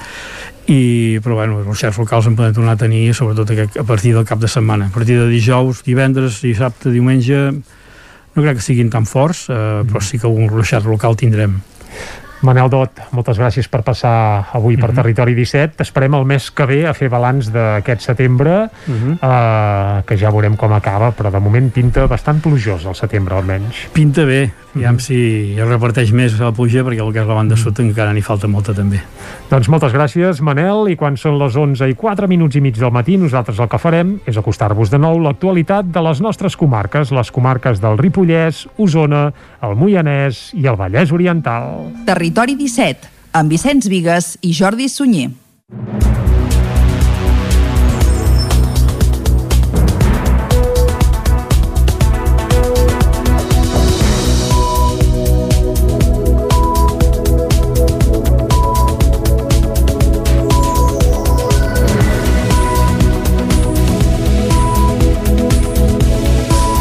Ahir va començar el nou curs escolar 2021-22. A Osona ho va fer amb normalitat i sense incidències destacades en cap centre.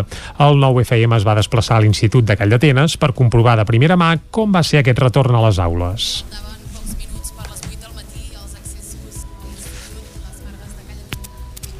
Faltaven ara sí pocs minuts per les 8 del matí els accessos a l'Institut Les Margues de Callatenes i anaven arribant alumnes. No tots s'entraven per la mateixa porta i els grups ho feien de manera esglaonada, una de les mesures anticovid que es mantenen en el que ja és el tercer curs escolar marcat per la pandèmia. Núria Saborit és la directora de l'Institut Les Margues de Callatenes. Aquest curs no és obligatori mesurar la temperatura als alumnes a l'entrada, hm? però sí que doncs, seguim amb això, eh? entrades esglaonades, distàncies, distància, els patis també ha canviat perquè ara els grups mm, estables es podran barrejar sempre que vagin amb mascareta, cosa que el curs passat no podíem eh, fer. Entre les novetats importants també hi ha que els alumnes vacunats no s'hauran de confinar si hi ha casos positius de Covid al grup. L'Institut Les Margues és dels pocs d'Osona que estrena el curs amb novetats. Per primera vegada s'hi imparteix batxillerat amb dos grups de primer. Es fa efectiu així un projecte que va impulsar l'actual equip directiu amb el suport de l'Ajuntament de Callatenes. El centre ofereix dues modalitats de batxillerat, l'humanístic social i el científic tecnològic, amb algunes especificitats. Sentim per aquest ordre a David Prat, tutor de primer A de batxillerat a l'Institut Les Margues, i a Núria Saborit, directora del centre. Els dos batxillerats que tenim no estan separats segons l'opció humanística o científica que agafen els alumnes. Això és una, una particularitat del nostre batxillerat. També el fet que hi ha un parell d'assignatures que s'imparteixen en anglès. Representa un repte per la comunitat educativa, però una gran il·lusió perquè podem veure aquesta continuïtat dels alumnes doncs, que hem tingut amb nosaltres durant tota l'etapa d'educació secundària obligatòria. Els alumnes es mostraven molt satisfets de l'estrena. Eric López i Jordina Vila són alumnes de primer de batxillerat que, bueno, que comença aquesta línia de batxillerat aquí i és algo bueno, molt guai, molt divertit. Sí, tot té les seves avantatges, coneixes el centre, clar, és, fas el canvi ja de l'ESO al batxillerat, però està al mateix centre, et coneixes molt dels professorats, per tant, té certes avantatges que potser si canvies de centre no tens. L'Institut Les Margues va començar classes ahir amb 323 alumnes i 37 professors. L'arrencada del curs 2021-2022 ha anat de bracet amb altres novetats a Osona. L'Institut Sirvianum de Torelló, per exemple, ha incorporat el batxillerat artístic i escènic i ara ofereix tots els itineraris. Es preveu que al llarg d'aquest curs es puguin posar en marxa el nou edifici de l'Escola de Muntanyola i de l'Institut Escola Carles Cap de Vila de Balanyà i que comencin amb més d'un any de retard les obres de l'Institut de Gurb. També es faran obres d'ampliació a l'Institut Escola Josep Maria Xandri a Sant Pere de Torelló. Després d'un any i mig tancat per la pandèmia, ahir al matí va reobrir l'Espai Familiar Municipal de Vic. Ho va fer coincidint amb l'inici d'un curs escolar que a la capital usonenca ha arrencat amb més de 7.000 alumnes als centres d'educació obligatòria. Un total de 7.000 alumnes en l'etapa obligatòria van començar ahir el curs escolar a Vic. Des del consistori remarcaven que l'inici de curs es va produir amb total normalitat i amb els efectes de la pandèmia més controlats que ara fa un any. Sentim a Elisabet Franquesa, regidora d'Educació de l'Ajuntament de Vic amb ganes de tornar-hi ser, sense tanta por com es va iniciar el curs passat, doncs perquè l'efecte de la pandèmia està com molt més controlat i tothom sap una mica el que li espera i el que ens ve. Ahir dilluns també van començar les classes 100% presencials al batxillerat i els cicles formatius a l'Institut Jaume Callís de Vic. El batxillerat es reprenia amb una línia menys, Elisabet Franquesa. Sí que es treballarà per intentar veure si es torna a reobrir el Callís, perquè realment eh, hi ha molta demanda eh, també hi ha hagut un canvi d'equip directiu aquest equip directiu nou doncs, també ho ha agafat amb molta empenta, amb molta força i és un dels temes que vol prioritzar per tant treballarem conjuntament amb el departament perquè puguem ajustar no, aquesta demanda i aquesta oferta. On també ha començat el curs és a les escoles Bressol municipals. S'hi oferten 243 places i de moment un 91% ja estan ocupades després d'un any i mig d'aturada a causa de la pandèmia. Ahir, al matí, també va reobrir portes l'espai familiar municipal de Vic. Marta Caselles n'és la directora. Creiem que aquest any eh, el fet d'obrir en un moment eh, també delicat, que s'ha de tenir com més precaucions, hem volgut impulsar sobretot els grups bombolla, vale? que seria aquest espai nadó i espai caliu, que ens permet doncs, ser un, un grup de famílies estables eh, que cada setmana ens, re, ens anem retrobant al llarg de, dels mesos. A l'espai familiar municipal el curs no arrencarà fins l'1 d'octubre. Les inscripcions s'obriran demà dimecres. La nova sala diagonal de Camp de Bànol es reinaugurarà per la festa major després de fer-hi una inversió de 186.000 euros. Isaac Muntades, des de la veu de Sant Joan. Les obres de remodelació i adequació de la sala diagonal de Camp de Bànol ja estan enllestides i es reinaugurarà aprofitant el pregó de la festa major d'aquesta setmana. Els treballs, que van començar a finals d'octubre de l'any passat, han tingut un cost de 186.000 euros amb l'IVA inclòs, subvencionats per la llei de barris i van servir per adequar la sala a la normativa legal vigent i garantir la seguretat dels usuaris. L'alcaldessa Dolors Costa va enumerar totes aquelles actuacions que s'hi han dut a terme. S'hi ha fet la instal·lació contra incendis, s'ha ignificat eh, el que és la coberta, s'ha fet la instal·lació de la calefacció, s'ha retirat tota la calefacció vella i s'ha ficat tot, tota la nova, s'ha fet tota la instal·lació elèctrica amb una escomesa de reserva, s'ha donat compliment a la normativa d'accessibilitat per persones minusvàlides, s'ha fet tota la substitució de la fusteria exterior, eh, s'ha fet la pintura lateral i també tota la pintura del bar, eh, s'ha fet la substitució del sanejament dels lavabos públics i s'ha fet també la instal·lació d'un moble cafeter. A part s'han canviat les llums, s'han canviat eh, les cortines de l'escenari i bé, s'ha adequat la, la zona doncs, a la normativa, com us he dit, vigent i que, que ara ja era una cosa prioritària per nosaltres ja per tema de seguretat. Costa va recordar que tenen els projectors de cinema al pis de dalt de la sala Diagonal i que en un futur tenen la idea de fer-hi un museu, tot i que ara mateix no està a l'agenda immediata. Tampoc es descarta que algun dia puntual s'hi pugui fer una sessió de cinema. Cal recordar que la sala Diagonal es va construir l'any 1960. L'espai va funcionar com a cinema fins al setembre de l'any 1989, quan l'Ajuntament la va expropiar perquè fos de titularitat pública. Actualment té una capacitat per a 500 persones. El grup de teatre de Xalles 81, l'associació Fira del Rellotge i un Codines Trail reben les mencions d'honor de Sant Feliu de Codines. Caral Campàs, des d'Ona Codinenca. La diada a Sant Feliu de Codines va estar marcada, com habitualment, per l'entrega de mencions d'honor Vila de Sant Feliu al pati de Can Xifreda. Les entitats que van rebre mencions van ser el grup de teatre de Xalles 81 amb motiu dels seus 40 anys de dedicació al foment del teatre local, l'associació Fira del Rellotge pels 25 anys d'organització d'aquest esdeveniment i l'Oncodines Trail pel seu ajut a diferents causes solidàries. El grup de teatre amateur va ser doblement guardonat pels premis també guanyats per la secció juvenil i el del concurs de teatre amateur Ciutat de Tàrrega. Sentim Josep Canet, de Deixalles 81. Bueno, amb molta il·lusió, ens ha fet molta il·lusió i a veure que al final eh, són aquells petits copets a l'esquena que diem moltes vegades, o grans copets a l'esquena que, que t'ajuden a, a tirar endavant. I, sí, sí, aquest any hem tingut, sobretot en un any duríssim com el que hem tingut al sector cultural, va bé, que s'han fet poques coses, doncs eh, les poques que han fet han, han fructificat molt. Vull dir, ha, ha estat molt bé. Ha sigut una temporada que al final començava molt dura i ha acabat molt, molt fructífera. Durant l'acte també es van lliurar diversos reconeixements a persones i entitats que en el darrer any han aconseguit fites destacades. El grup mini del Club de Bàsquet Sant Feliu de Codines que ha guanyat la Lliga. L'equip d'hoquei Sant Feliu de Codines B que ha aconseguit l'ascens directe a primera catalana, un grup d'alumnes de l'escola FEDAC que han guanyat el Premi Roche al millor projecte projecte d'innovació al torneig celebrat a la UAB i la Marta Camps i en Biel Codina millors notes de selectivitat. L'escriptor i poeta cardedeuenc Víctor Busquet ha presentat la segona part del llibre Personatges inoblidables al Museu Arxiu Tomàs Balvei de Cardedeu. El primer el va publicar l'any 2012 i en aquesta segona part presenta 30 nous personatges essencials en la història de Cardedeu. Núria Lázaro, de Ràdio Televisió Cardedeu. El 14 d'agost moria mossèn Catarineu, rector de la parròquia de Santa Maria de Cardedeu l'any 1985 i un dels 30 personatges del nou llibre de l'escriptor Víctor Busquet. Juntament amb mossèn Catarineu s'hi troben Joan Amat, Amadeu Borràs o Lluís Auller, 30 homes i dones que van destacar per la seva relació o influència a Cardedeu al llarg de la seva història. De personatges de Cardedeu que val la pena que siguin en un llibre, no? Una petita biografia, un tast gairebé, no? però eh, hi ha, la, hi ha la, el dibuix de cada personatge, per tant, doncs, eh, penso que està bastant documentat. Eh, M'ha sigut difícil a mi mateix eh, fer una tria de la, del personatge que, que han de ser i els que no hi són, i fer desmarcar-me d'alguns, no? Jo els hauria posat molts més, n'hauria posat molt més. Llavors també és complicat dir, doncs, parlar de la, de la vida, no? buscar-li la vida a cada un. És molt complicat també.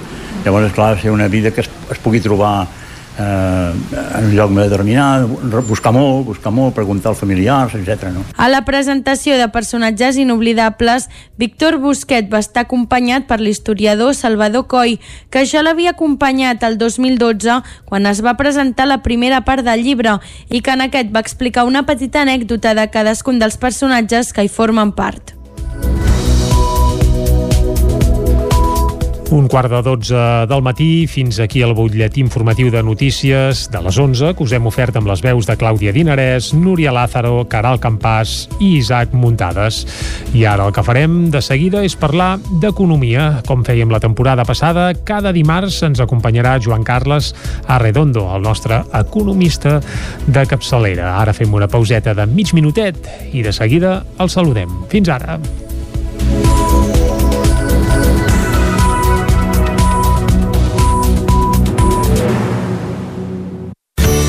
Territori 17. Envia'ns les teves notes de veu per WhatsApp al 646 079 023. 646 079 023. WhatsApp Territori 17.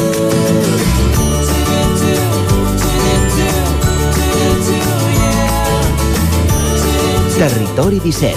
Som a Facebook, Twitter i Instagram amb l'usuari Territori 17.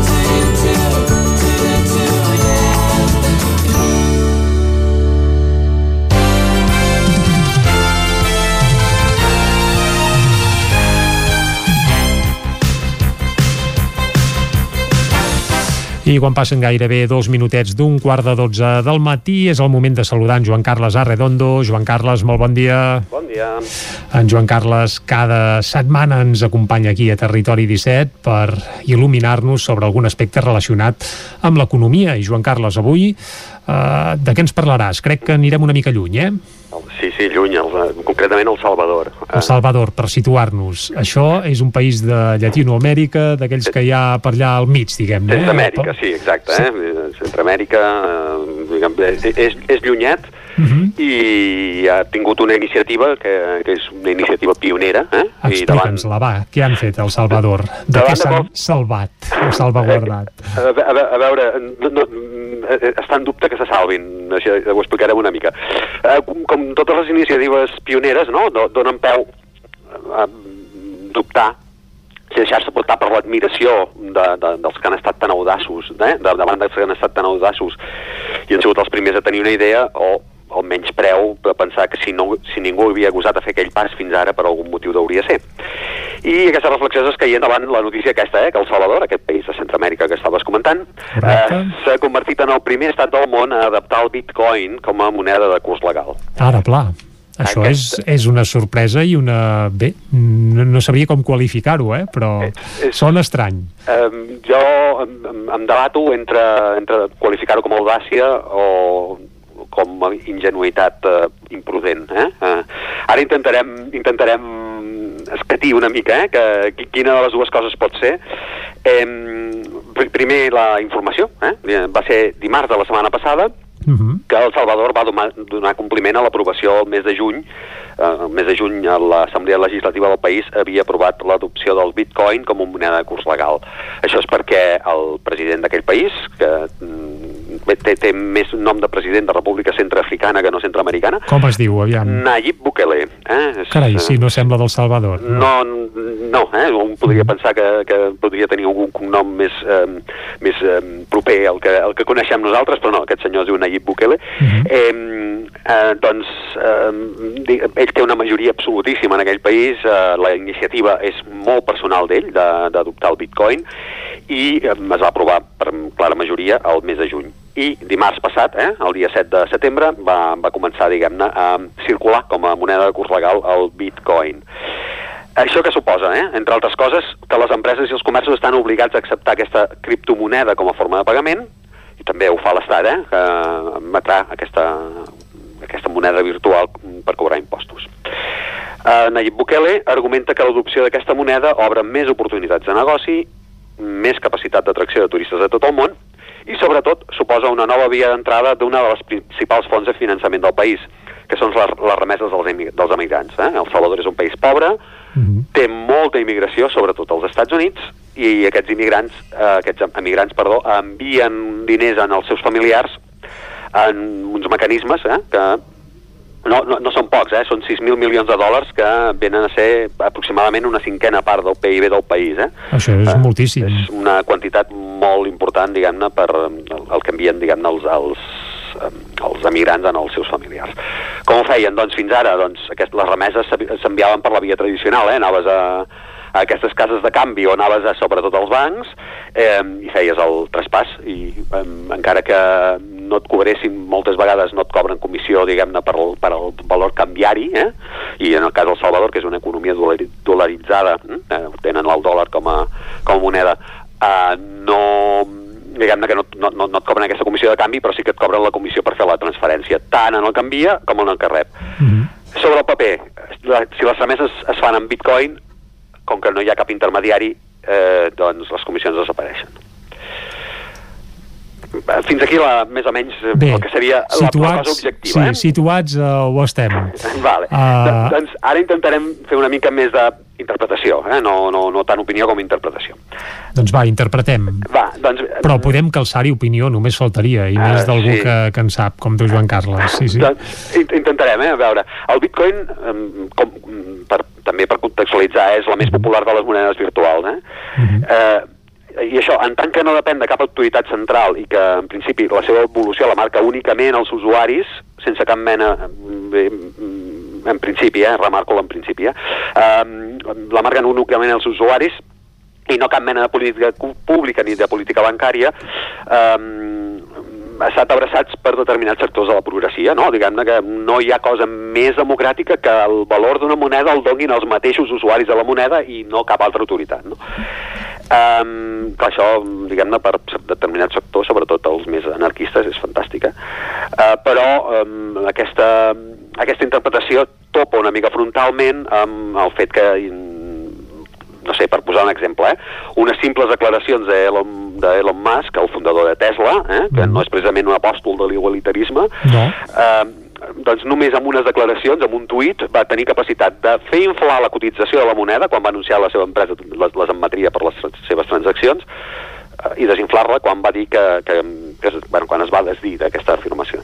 Eh, Diguem-ne que eh, pot, pot mm, cridar molt l'atenció de determinats sectors molt progressistes, però...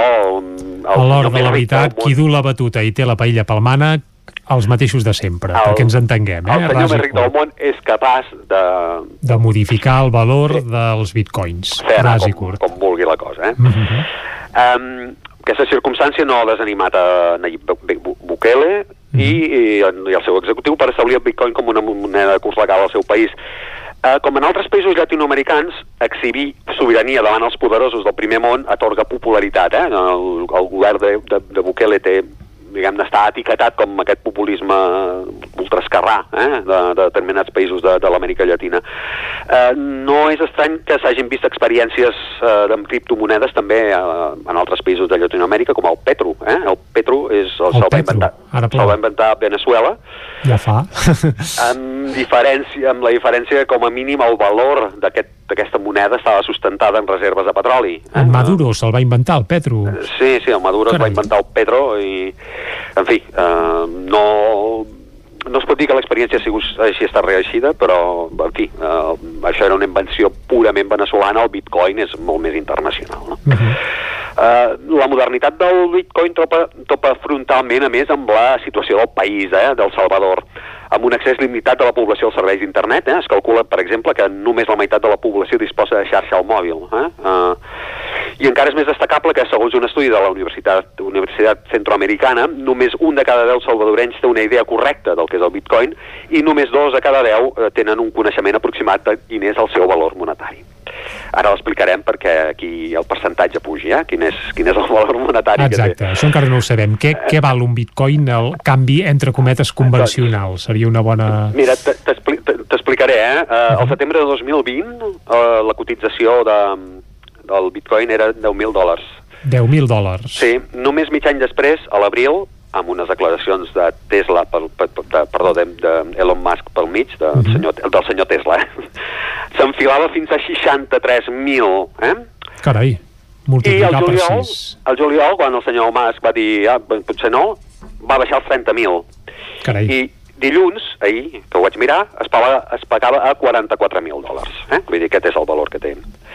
Mm, Ara explicarem com aquests, aquests moviments són, diguem-ne, segurament la part més feble eh, de, de la idea de, de Nayib Bukele de, d'acceptar aquesta moneda com a, com a moneda de curs legal.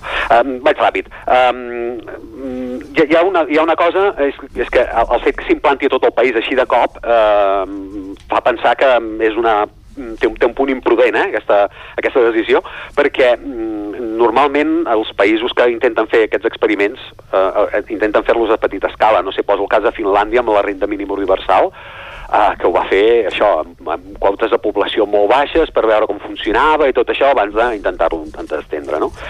Um, això és el que, aquest és un, un, un dels punts febles i l'altre és aquest, eh? aquesta volatilitat eh? que té la moneda, aquest, aquests salts i baixos que dona que fan impossible, eh, diguem-ne, determinar eh, si estàs encertant o no eh, a l'hora d'utilitzar això. Um, eh, per tant, tot apunta que el bitcoin és més un instrument per especular, Mm -hmm. va, diguem-ho suau, per invertir, eh, que no pas per fer transaccions. Eh, això no, no ho dic només jo, ho diu algú que en sap més que jo, que és el Ken Rogoff, que és un economista important, tan important, que va marcar les polítiques d'austeritat de, dels, dels anys de la crisi, doncs ell també pensa, pensa diguem-ne, això. Per tant, conclusió, ja, eh, Joan Carles, si haguessis d'aconsellar a la gent del Salvador què n'han de fer del bitcoin, tu els diries eh, aparqueu-lo i no el feu servir de moneda de curs Jo legal. diria que més que amb aquest, eh, aquest pòsit de defensa de la sobirania econòmica i els, mm -hmm. hi ha aplaudiments dels criptocreients, eh, que n'hi ha. Però de l'audiència de fer aquest pas també hi ha la imprudència de fer experiments sense calibrar les conseqüències que per la població poden ser greus. Joan Carles, moltes gràcies per explicar-nos aquest cas tan curiós. T'esperem la setmana que ve aquí a Territori 17. Merci. Que vagi bé. Adéu. El nou FM, la ràdio de casa, al 92.8. El nou Moianès. A partir del 20 de setembre, cada tercer dilluns de mes, amb el 9-9, un suplement especial, farcit de personatges, curiositats i històries singulars.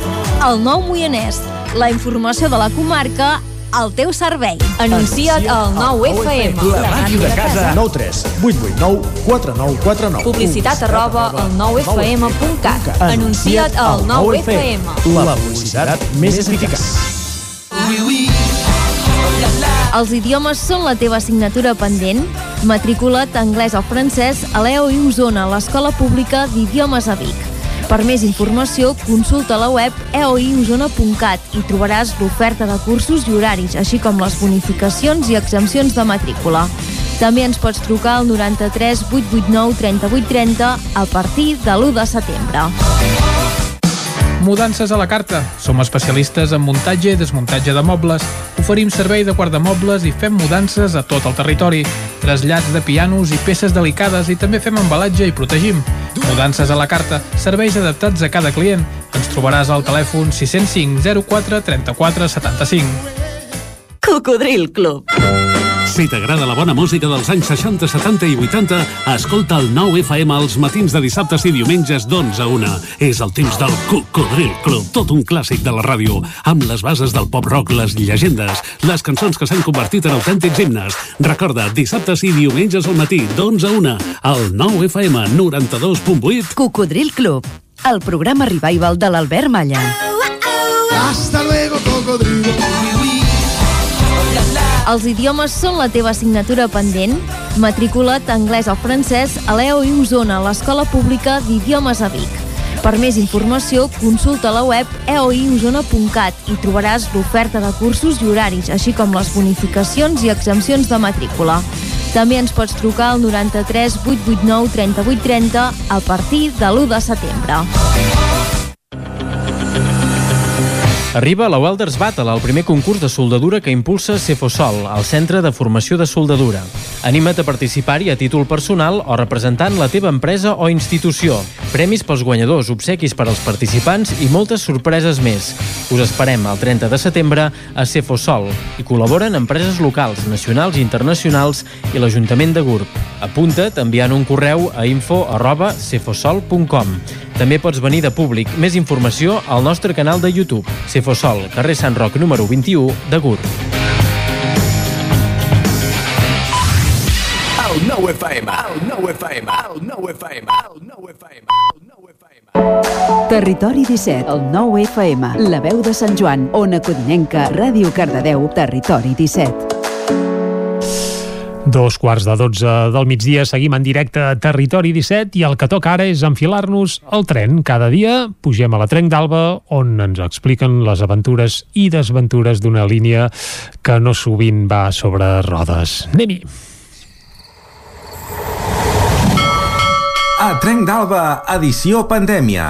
Ara sense els usuaris que ens explicaven les seves desgràcies a la R3, però amb els mateixos retards i problemes de sempre. Benvinguts a Tren d'Alba. Doncs una cosa curiosa que va treure el diari El Punt Avui. El passat 8 de setembre va celebrar-se la Mare de Déu de Núria, però a diferència d'allò que havia passat sempre, les Núries que pugin al santuari del Ripollès que du el seu nom amb el cremallera hauran de passar per taquilla. I és que Ferrocarrils de la Generalitat de Catalunya ha retirat enguany aquelles promocions que deixaven pujar de forma gratuïta a les persones que es diguessin Núria, Montserrat o Gil, que són noms estretament lligats als dos cremalleres de muntanya que pugen als dos santuaris. Qui duia el nom del santuari podia pujar pujar sense pagar el dia del seu sant, que seria el 27 d'abril per les Montserrats, el 8 de setembre per les Núries o l'1 de setembre pels Gils. Això servia com a promoció pels santuaris i per atraure visitants als respectius dies dels sants, sobretot quan força catalans anaven de visita als monestirs o actes religiosos. El bitllet gratuït i la pertinença al club oferia descomptes en altres funiculars o serveis de Montserrat i Núria. Avui en dia encara hi ha moltes persones que duen aquests noms, tot i que a poc a poc es van perdent. En canvi, Gil és un nom més comú del que sembla en l'actualitat. Ja ho veieu, sempre podeu crear una empresa de falsificació de DNIs per si mai decideixen tornar a activar aquest servei, que molt em temo que ja s'ha perdut. Va, ens retrobem demà amb més històries del tren i de la R3. El racó de pensar, a Territori 17. Doncs passen un parell de minutets de dos quarts de dotze del migdia, seguim en directe aquí a Territori 17 i els dimarts ens arribarà cada setmana, més o menys cap a aquesta hora, el racó de pensar amb la Maria López, un racó de pensar que en la temporada passada el teníem dijous, però ara el tindrem els dimarts. Maria, molt bon dia. Molt bon dia, companys, com esteu? Ben trobats, ben tornats i, i això, una abraçada ben forta, Maria. Doncs escolta, amb, amb, amb energia i amb ganes, eh, aquesta, aquesta tornada. I tant que sí. Doncs com estàveu dient ara, torna el racó de pensar, que ara es, es trasllada els dimarts, però tornem amb moltes ganes de tornar a parlar, compartir i a fer-nos pensar, que d'això es tracta. Com fem les coses els educadors i educadores de qualsevol tipus, els de l'escola, els de casa i la comunitat en general. I no només això, sinó que aquesta temporada també volem continuar coneixent un munt de projectes al voltant de l'educació que es mouen al nostre país, perquè de debò us asseguro que estan passant coses molt interessants i nosaltres els hi volem donar veu. Així que, benvinguts a una nova temporada. Dit això, torna al racó de pensar, però com totes i tots sabem, torna a l'escola. I és que ahir un milió i mig d'alumnes tornaven a les aules. El curs passat va ser, sense cap mena de dubte, un curs atípic, un curs marcat per la pandèmia, pels confinaments intermitents, pels termòmetres gel i mascareta, els grups bombolla, però la situació ha canviat a la nostra societat. La vacuna ha fet que les dades de contagi siguin cada cop més baixes. Què implica ara aquesta millora perquè fa a tots els protocols dels centres? No sé si notarem una mica la relaxació en tot aquest control que vam viure el curs passat. Què deien tots els papers que vaig signar ahir abans de que entrés el meu fill a l'escola? Perquè vaig anar ràpid i no ho sé. Per això he convidat avui en Josep Cortada, que és director de l'Escola de les Aigües de Cardedeu i que ens compartirà una miqueta també tots aquests canvis. Bon dia, Josep. Hola, bon dia Maria, bon dia a tothom. I tenim també amb nosaltres a la Dolors Sala, que és regidora d'Educació de l'Ajuntament de Cardedeu. Bon dia, Dolors. Bon dia, Maria, bon dia a tothom. Doncs, si us sembla, m'agradaria, per fer una mica cronològica, m'agradaria començar amb, amb una mica d'anàlisi de com valorem la feina que us va tocar fer el curs passat, perquè, perdoneu, allò que vau fer, això sí que va ser un procés d'adaptació i no el que es fa P3. O sigui, eh, adaptar-se a nivell tecnològic per poder seguir donant classes i adaptar-se a l'hora de tornar a les classes eh, amb els termòmetres, gels, grups bombolla... Com valoreu tota aquesta tasca de la temporada passada? Uh, sí? Uh, mireu, d'entrada jo us parlaré més des del punt de vista de l'Ajuntament perquè el plat fort se'l van emportar a les escoles i nosaltres com a Ajuntament el que fem és ajudar-los amb tot allò que puguem i amb les tasques pròpiament de manteniment i les que ens toquen a nosaltres. Sí que l'any passat va ser, va ser un gran esforç, tothom va treballar moltíssim, sobretot amb l'organització dels grups, amb l'organització d'entrades i sortides dels centres educatius i amb tot el tema que fa referència a la neteja de les escoles. I en aquí, eh, bueno, es van habilitar més entrades a cada centre. Penseu que la majoria de centres de primària de Cardedeu tenen com a mínim tres o quatre portes d'entrada i tot i així en alguns centres encara els anirem a obrir algun altre, la qual cosa va facilitar que, que no s'apilonessin la gent en el moment d'entrar. De, també, sobretot. Eh? També es van augmentar amb cada persona que treballava de neteja a les escoles amb dues hores més diàries de neteja, perquè, com ja us podeu imaginar, el tenir mm, més professorat es van fer les ràtios per grup més petites i per tant es van haver d'habilitar i d'ocupar espais del centre que abans no s'ocupaven com a aula. I això va comportar fer una neteja diària i una higienització ben feta, una higiene, uh -huh. eh, que ara no em sortia la paraula, disculpeu. És que no és fàcil, eh? una higiene ben feta diàriament de cada lloc que s'ocupava per cada grup bombolla. No sé si en Josep hi vol afegir-hi alguna cosa. Ah, i una altra cosa, tot el tema dels ordinadors, perquè penseu que aquest va ser un tema nou. Aquí nosaltres, des del Departament d'Educació, eh, es, anaven, eh, es anava caminant cap a la digitalització dels centres educatius, això estava una miqueta enrederit i tot el tema de la pandèmia ho va disparar-ho.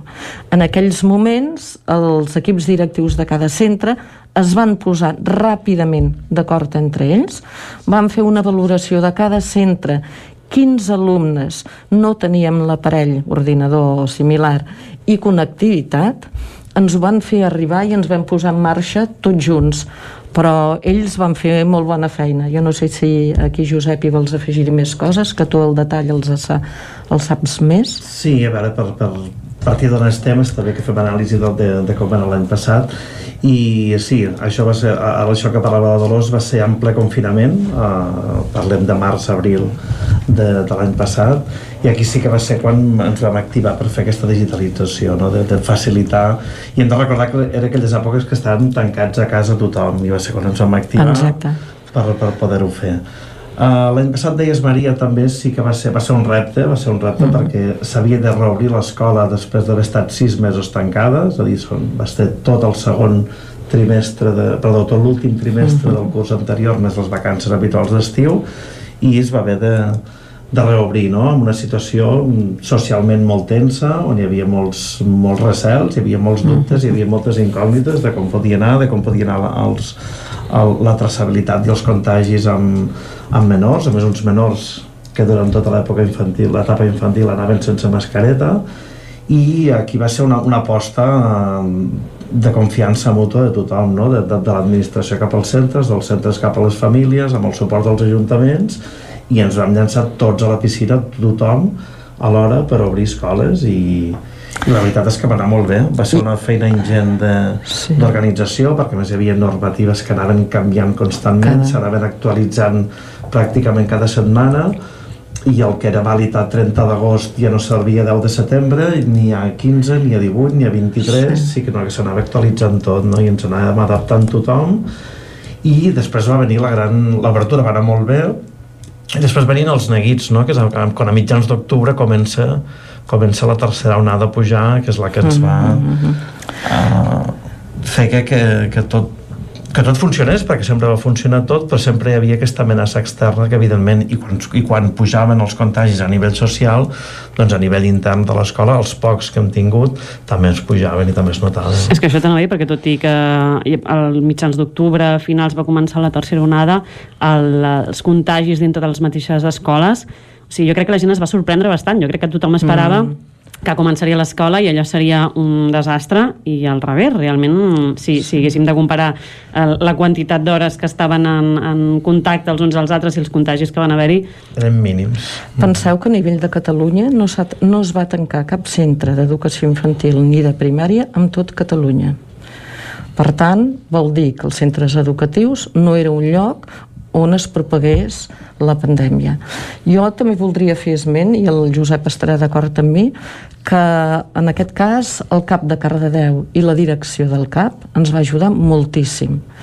O sigui, tenim, teníem i continuem tenint el gestor Covid, que és la persona que està en permanent contacte quan es necessita amb els centres educatius, perquè la que apareix un cas o algú amb sintomatologia eh, ràpidament es comunica i ja mm, es diu quina resposta s'ha de donar i per tant això ens ha anat, ens ha anat molt bé I també l'esforç, i en aquest cas ja que estic aquí volia dir a part del cap, mm, també dels conserges dels centres, que realment ells en molts moments se l'han jugada també com els mestres i professors, i en aquí també van fer un gran esforç en, tot el, en tots els sentits. Eh? Venint amb aquest, eh, amb aquest panorama, d'alguna manera, del curs passat, eh, ahir, 13 de setembre, comença mm. un nou curs, curs 2021-2022, i amb el que gràcies a, a la vacuna que ja durant aquests darrers mesos eh,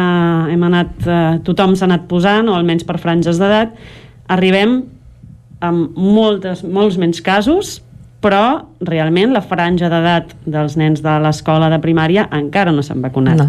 Què us implica a nivell d'educació com a centres tota aquesta davallada però tenint en compte que precisament els vostres usuaris, per dir-ho així, no estan vacunats. Són, és l'única franja de la societat que no, està, que no està vacunada.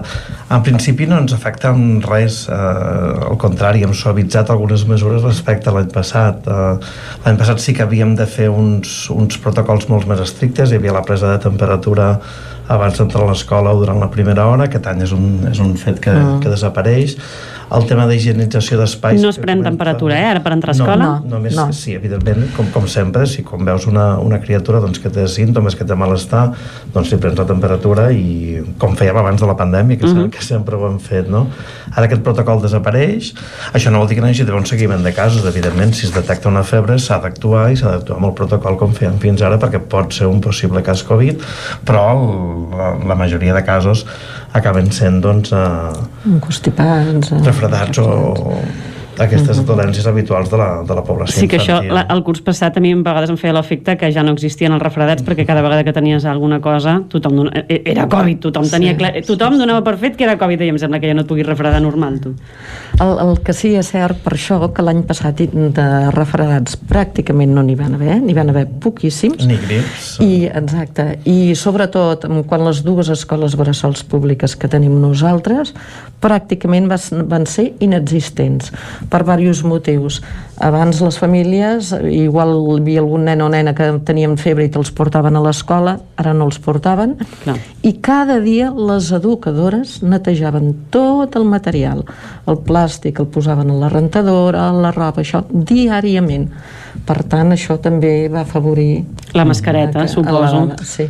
Amb els polls mascareta... no va passar, eh? Els polls segueixen allà. Va, baix, va baixar, sí? va, va haver una, una baixada important d'incidència de polls, també. Ah, mira, eh? encara, sí. encara traurem alguna també, cosa bona d'això. Suposem també que el fet d'estar de, en grups estables, que n'hi hagi tanta barreja i tant contacte d'alumnes també, ho, també ho va facilitar. El distanciament, que també eh, era com a criteri, tot i que és molt complicat, no?, amb infants de de fer-los distanciar, però sí que hi havia els protocols d'aquest mm. metre i mig a l'hora d'ubicació de taules, d'espais de treball, doncs aquest fet també doncs, ha pogut propiciar doncs, que hagués aquesta baixada de, de llémenes i de polls. Més canvis dintre aquest curs, dèiem ja no hi ha la temperatura, els grups bombolla es mantenen es mantenen, es mantenen i, però tenim, tenim canvis també, es pot compartir molt més el material, tot el tema de superfícies i d'higienització que deia abans l'Odolos també desapareix, amb un cop de neteja al dia com fèiem abans de la pandèmia n'hi ha prou, el material es pot compartir, per tant ja continuem amb la socialització, que és aquest, aquest el principal uh -huh. problema que teníem a les escoles, no? és a dir, estem en una pandèmia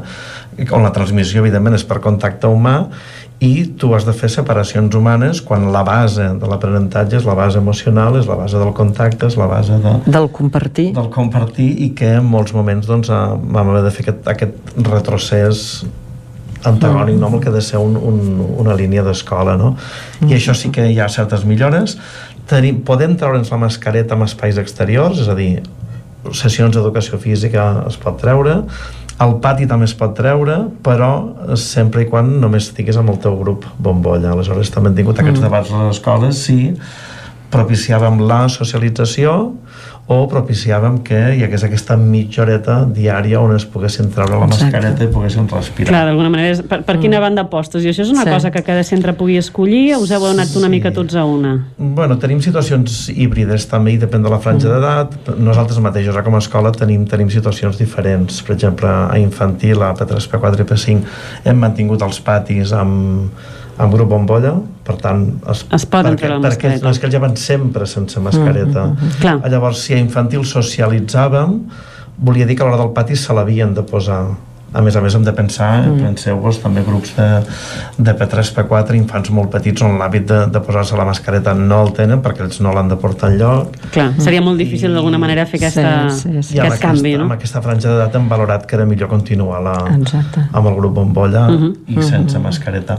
a cicle inicial han fet exactament el mateix cicle inicial surten mitja horeta abans els quatre grups de primer i segon i també són sense mascareta i també tenen la llibertat doncs, que puntualment doncs, algun dia, un cop per setmana o un cop com vulguin podran posar-se la mascareta i fer el pati tots junts també uh -huh. hem, hem creat aquesta aquesta modalitat híbrida. Bé, que et permet una estona de sense mascareta, Exacte. perquè realment es passaven moltes hores amb moltes mascareta. hores, eh? tot el dia. I jo, el, el tot meu fill el arribava i no se la treia perquè ja no tenia el costum de treure-se. I eres tu que havies de dir-li, portes dues hores a casa, et pots treure ja la mascareta. Ah, i ni se n'adonaven, no? Això l'alumnat de primària ho ha tingut claríssim des del primer mm. moment, eh?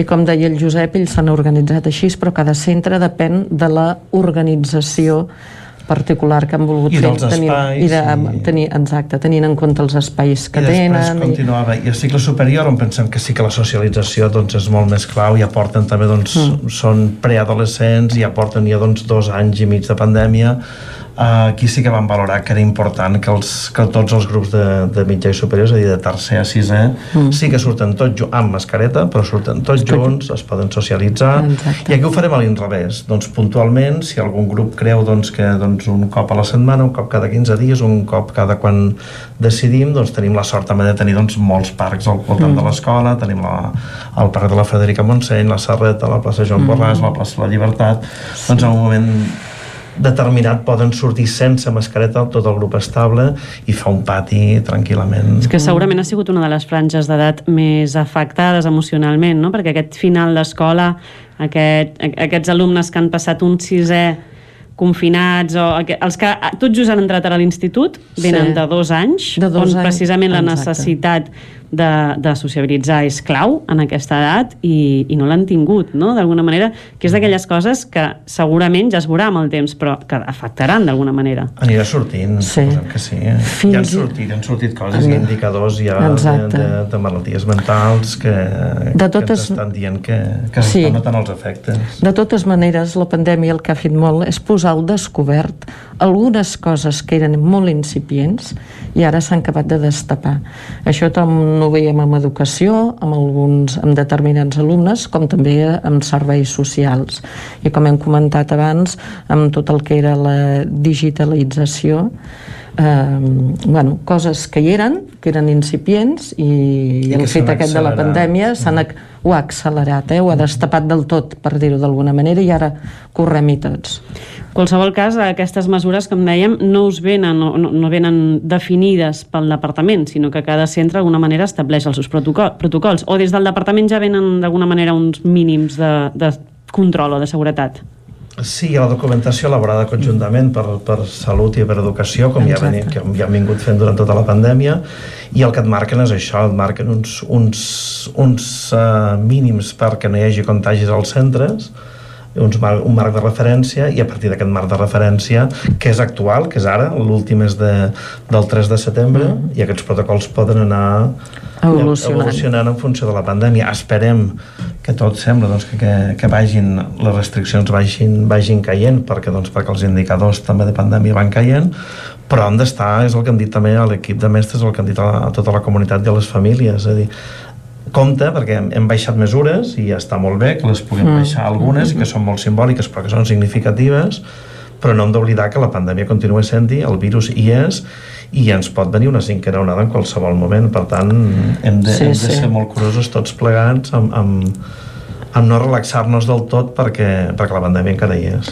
I sobretot amb els centres de primària, que com hem dit, de 0 a 12 anys és la franja que no està vacunada. Per tant, tot el que són aquestes mesures de prevenció, de ventilació, d'higiene de mans i de mascareta, hem d'intentar doncs, de, de mantenir-les.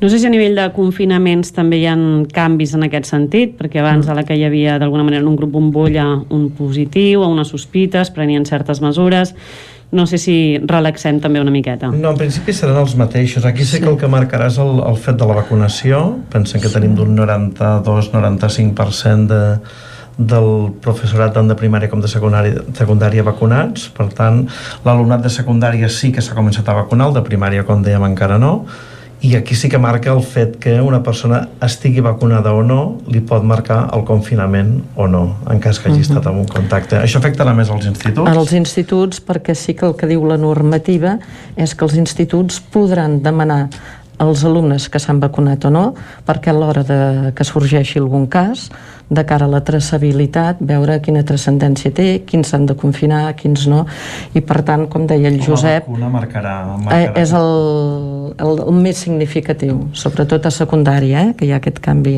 A primària només afectaria el professorat, és a dir, si s'ha de confinar Exacte. algun grup, doncs el tutor o tutora, si està vacunat, doncs eh, encara que es confini el grup, doncs pot fer, pot treballar, pot, pot treballar telemàticament, però des de l'aula, on té més Mm. recursos, on té la pantalla, on té la perquè si no ara penseu que quan hi havia un confinament, el tele, les teleconnexions el mestre o la mestra ho havia de fer des de casa seva amb els seus propis recursos, no? L'escola li podia facilitar, però evidentment és molt més còmode treballar des de la teva aula, sense alumnes i connectant telemàticament, que des de doncs, el menjador de casa teva, des de la sala, des de l'habitació, des d'allà on puguis, i això sí que és un punt important.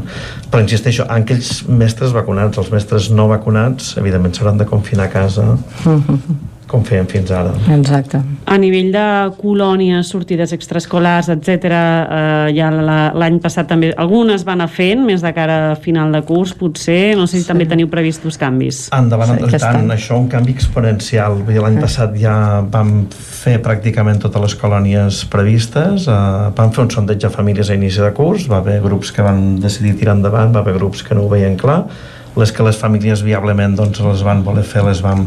Perquè a més veníem de colònies ajornades del, del, del curs del confinament, per tant, Eh, Els de sisè us recordaran segurament que Oh, tindran tant. curs, eh, I algun, tant, algun viatge d'aquests de fi de curs pendents, eh? Pendents, sobretot. Falta, falta anar a Eivissa o Sí, coses d'aquestes. I a nosaltres ens ha servit aquest, aquesta Dos anys. pandèmia, que també té coses positives, n'ha tingut, Sí. sí. ens va servir doncs, de fer un, un stop, de fer una parada, mm. fer una anàlisi del, del, del projecte de colònies que teníem i vam reflexionar i ara més és que l'hem ampliat, mm. vull dir, ara fins ara només anàvem de colònies a finals de cicle i ara de P5 a 6è aquest any tenim plantejat que tothom pugui anar de colònies i ho presentarem a les famílies la setmana vinent si algunes escolteu la ràdio, doncs ja teniu la primícia. que la- la- la diem- Veus, ens hem emportat una exclusiva Està, avui, eh? una, una exclusiva, el Sí, comunicat sí, està sí. previst la setmana vinent, però aquí hi ha una exclusiva que, que ens hem adonat també doncs, això, que hem de sortir més i que ja ho sabíem, ho teníem clau. A més, segurament fa més falta que mai, no?, Oh, després tant, d'aquest temps. i tant. I amb que sí. espais oberts, doncs, a nivell de pandèmies està molt, molt segur. L'any passat van ser un èxit, totes les colònies que van fer, i van anar doncs, gairebé la meitat d'alumnes de l'escola, cap contagi, va ser tot Mm. Fantàstic, les criatures ho necessitaven i per això ho van fer. I, van, i, i a més teníem una participació de, és que del, fins i tot del 100% quan sempre a prepandèmia sempre hi ha algun cas, dos casos que et fallen sempre tens una assistència del 90 i tants aquest any hi havia Es grups que necessitava al molt. 100%, Això dir, pràcti- que no pràcticament a tots els centres. casa. Sí, sí, sí, suposo que es necessitava per totes les parts, eh? Segurament Sí. sí. les famílies, tant els nens, Exacte. necessitaven allò de, de, de tornar a esvergir-se una mica i sociabilitzar, sobretot, no? Això que, que dèiem. Hem parlat eh, tota l'estona sobre bastant les, les diferències que marquen a nivell de protocols i a nivell de tot el que està passant el fet d'estar vacunat o no vacunat i com marca el fet de que a primària encara no estiguin vacunats. No sé si vosaltres en aquest sentit teniu més informació o teniu més pistes de quines són les previsions en les que penseu que es pot anar vacunant aquests infants. Uh, a mi no m'ha arribat res. Sí que estic en contacte amb, amb salut amb la nostra tècnica de salut i amb el cap d'aquí Cardedeu. I, i de moment sembla que mm, a primària ningú encara ha dit res. Per tant vull pensar de fet, encara tenim un repte, perquè sembla ser que els adolescents de secundària i aquesta franja d'edat dels més joves fins als 30 i pic o 40 anys costa que la gent es acabi d'engrescar a vacunar.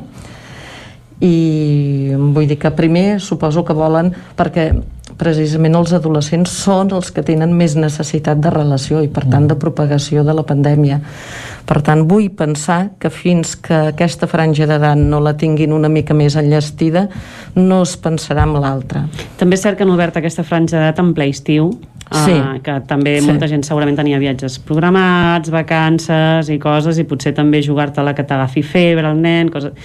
no sé si ara a partir de setembre hauran pujat Però les està, cites. Està, no, és, no és la franja menys vacunada, eh? és a dir, la franja dels, dels 12 als 18 o no sé quan acaba la franja és, és, és, Els 18, sí. aquesta és, és, és a dir, és a partir dels 18 és, dels, és la franja dels, dels 30 la que, La que no està dels la que ha 18 o dels 20 en amunt. Nosaltres no, no ens consta res, com deies, no. No, De fet, el, els alumnes de sisè faran 12 anys durant el 2023. També jo no sé si a partir del gener, quan ens comencin a fer 12 anys, si entraran o no, tampoc no ho sé. Exacte. Això estic especulant totalment, eh? no, no tenim cap base.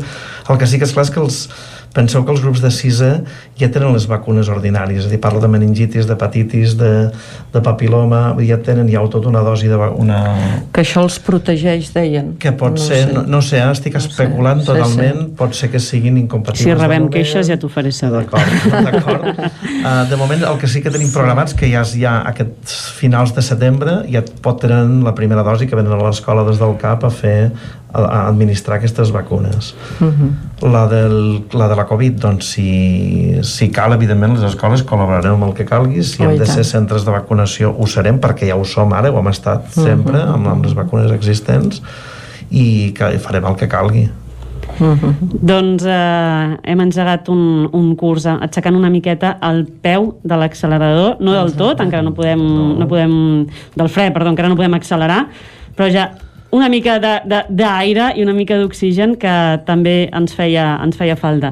Ens arriba la música de fons que ens avisa que la secció està acabant. Amb, amb només una frase, com us agradaria acabar el curs? Bueno, mm, acostant-nos al màxim possible a la normalitat, entre cometes, però sobretot havent esmenat i canviat alguns hàbits, que també ens feia falta. L'accelerador ja està posat, ho estava l'any passat i ara també sí que tenim l'accelerador posat, el que passa que el tenim amb la mascareta. A mi m'encantaria poder acabar el curs tothom sense mascareta. Doncs amb aquests desitjos molt macos, eh, us desitjo també tota la sort del món per aquest curs que acaba de començar i tant de bo, tant de bo, al juny ens puguem tornar a veure i puguem dir, mireu, vau encertar. Gràcies, Maria. Gràcies. Companys, Gràcies a tots. torno el relleu cap a Vic i ens acomiadem del racó de pensar d'avui amb aquest inici de curs, eh, una miqueta més oxigenat que el curs passat, i ens retrobarem dimarts vinent amb un nou tema i, i nou debat, per què no, el racó de pensar. Doncs Maria, moltes gràcies i ens quedem amb aquest desig que, que fèieu públic aquí al final, eh, que tant de bo pugui acabar el curs sense mascareta, que seria un senyal de que tots plegats ens n'anem sortint i que sortim d'aquest sotrac de la Covid que ja fa eh, tres cursos que dura, que aviat és dit. Maria, moltes gràcies. Gràcies, fins dimarts.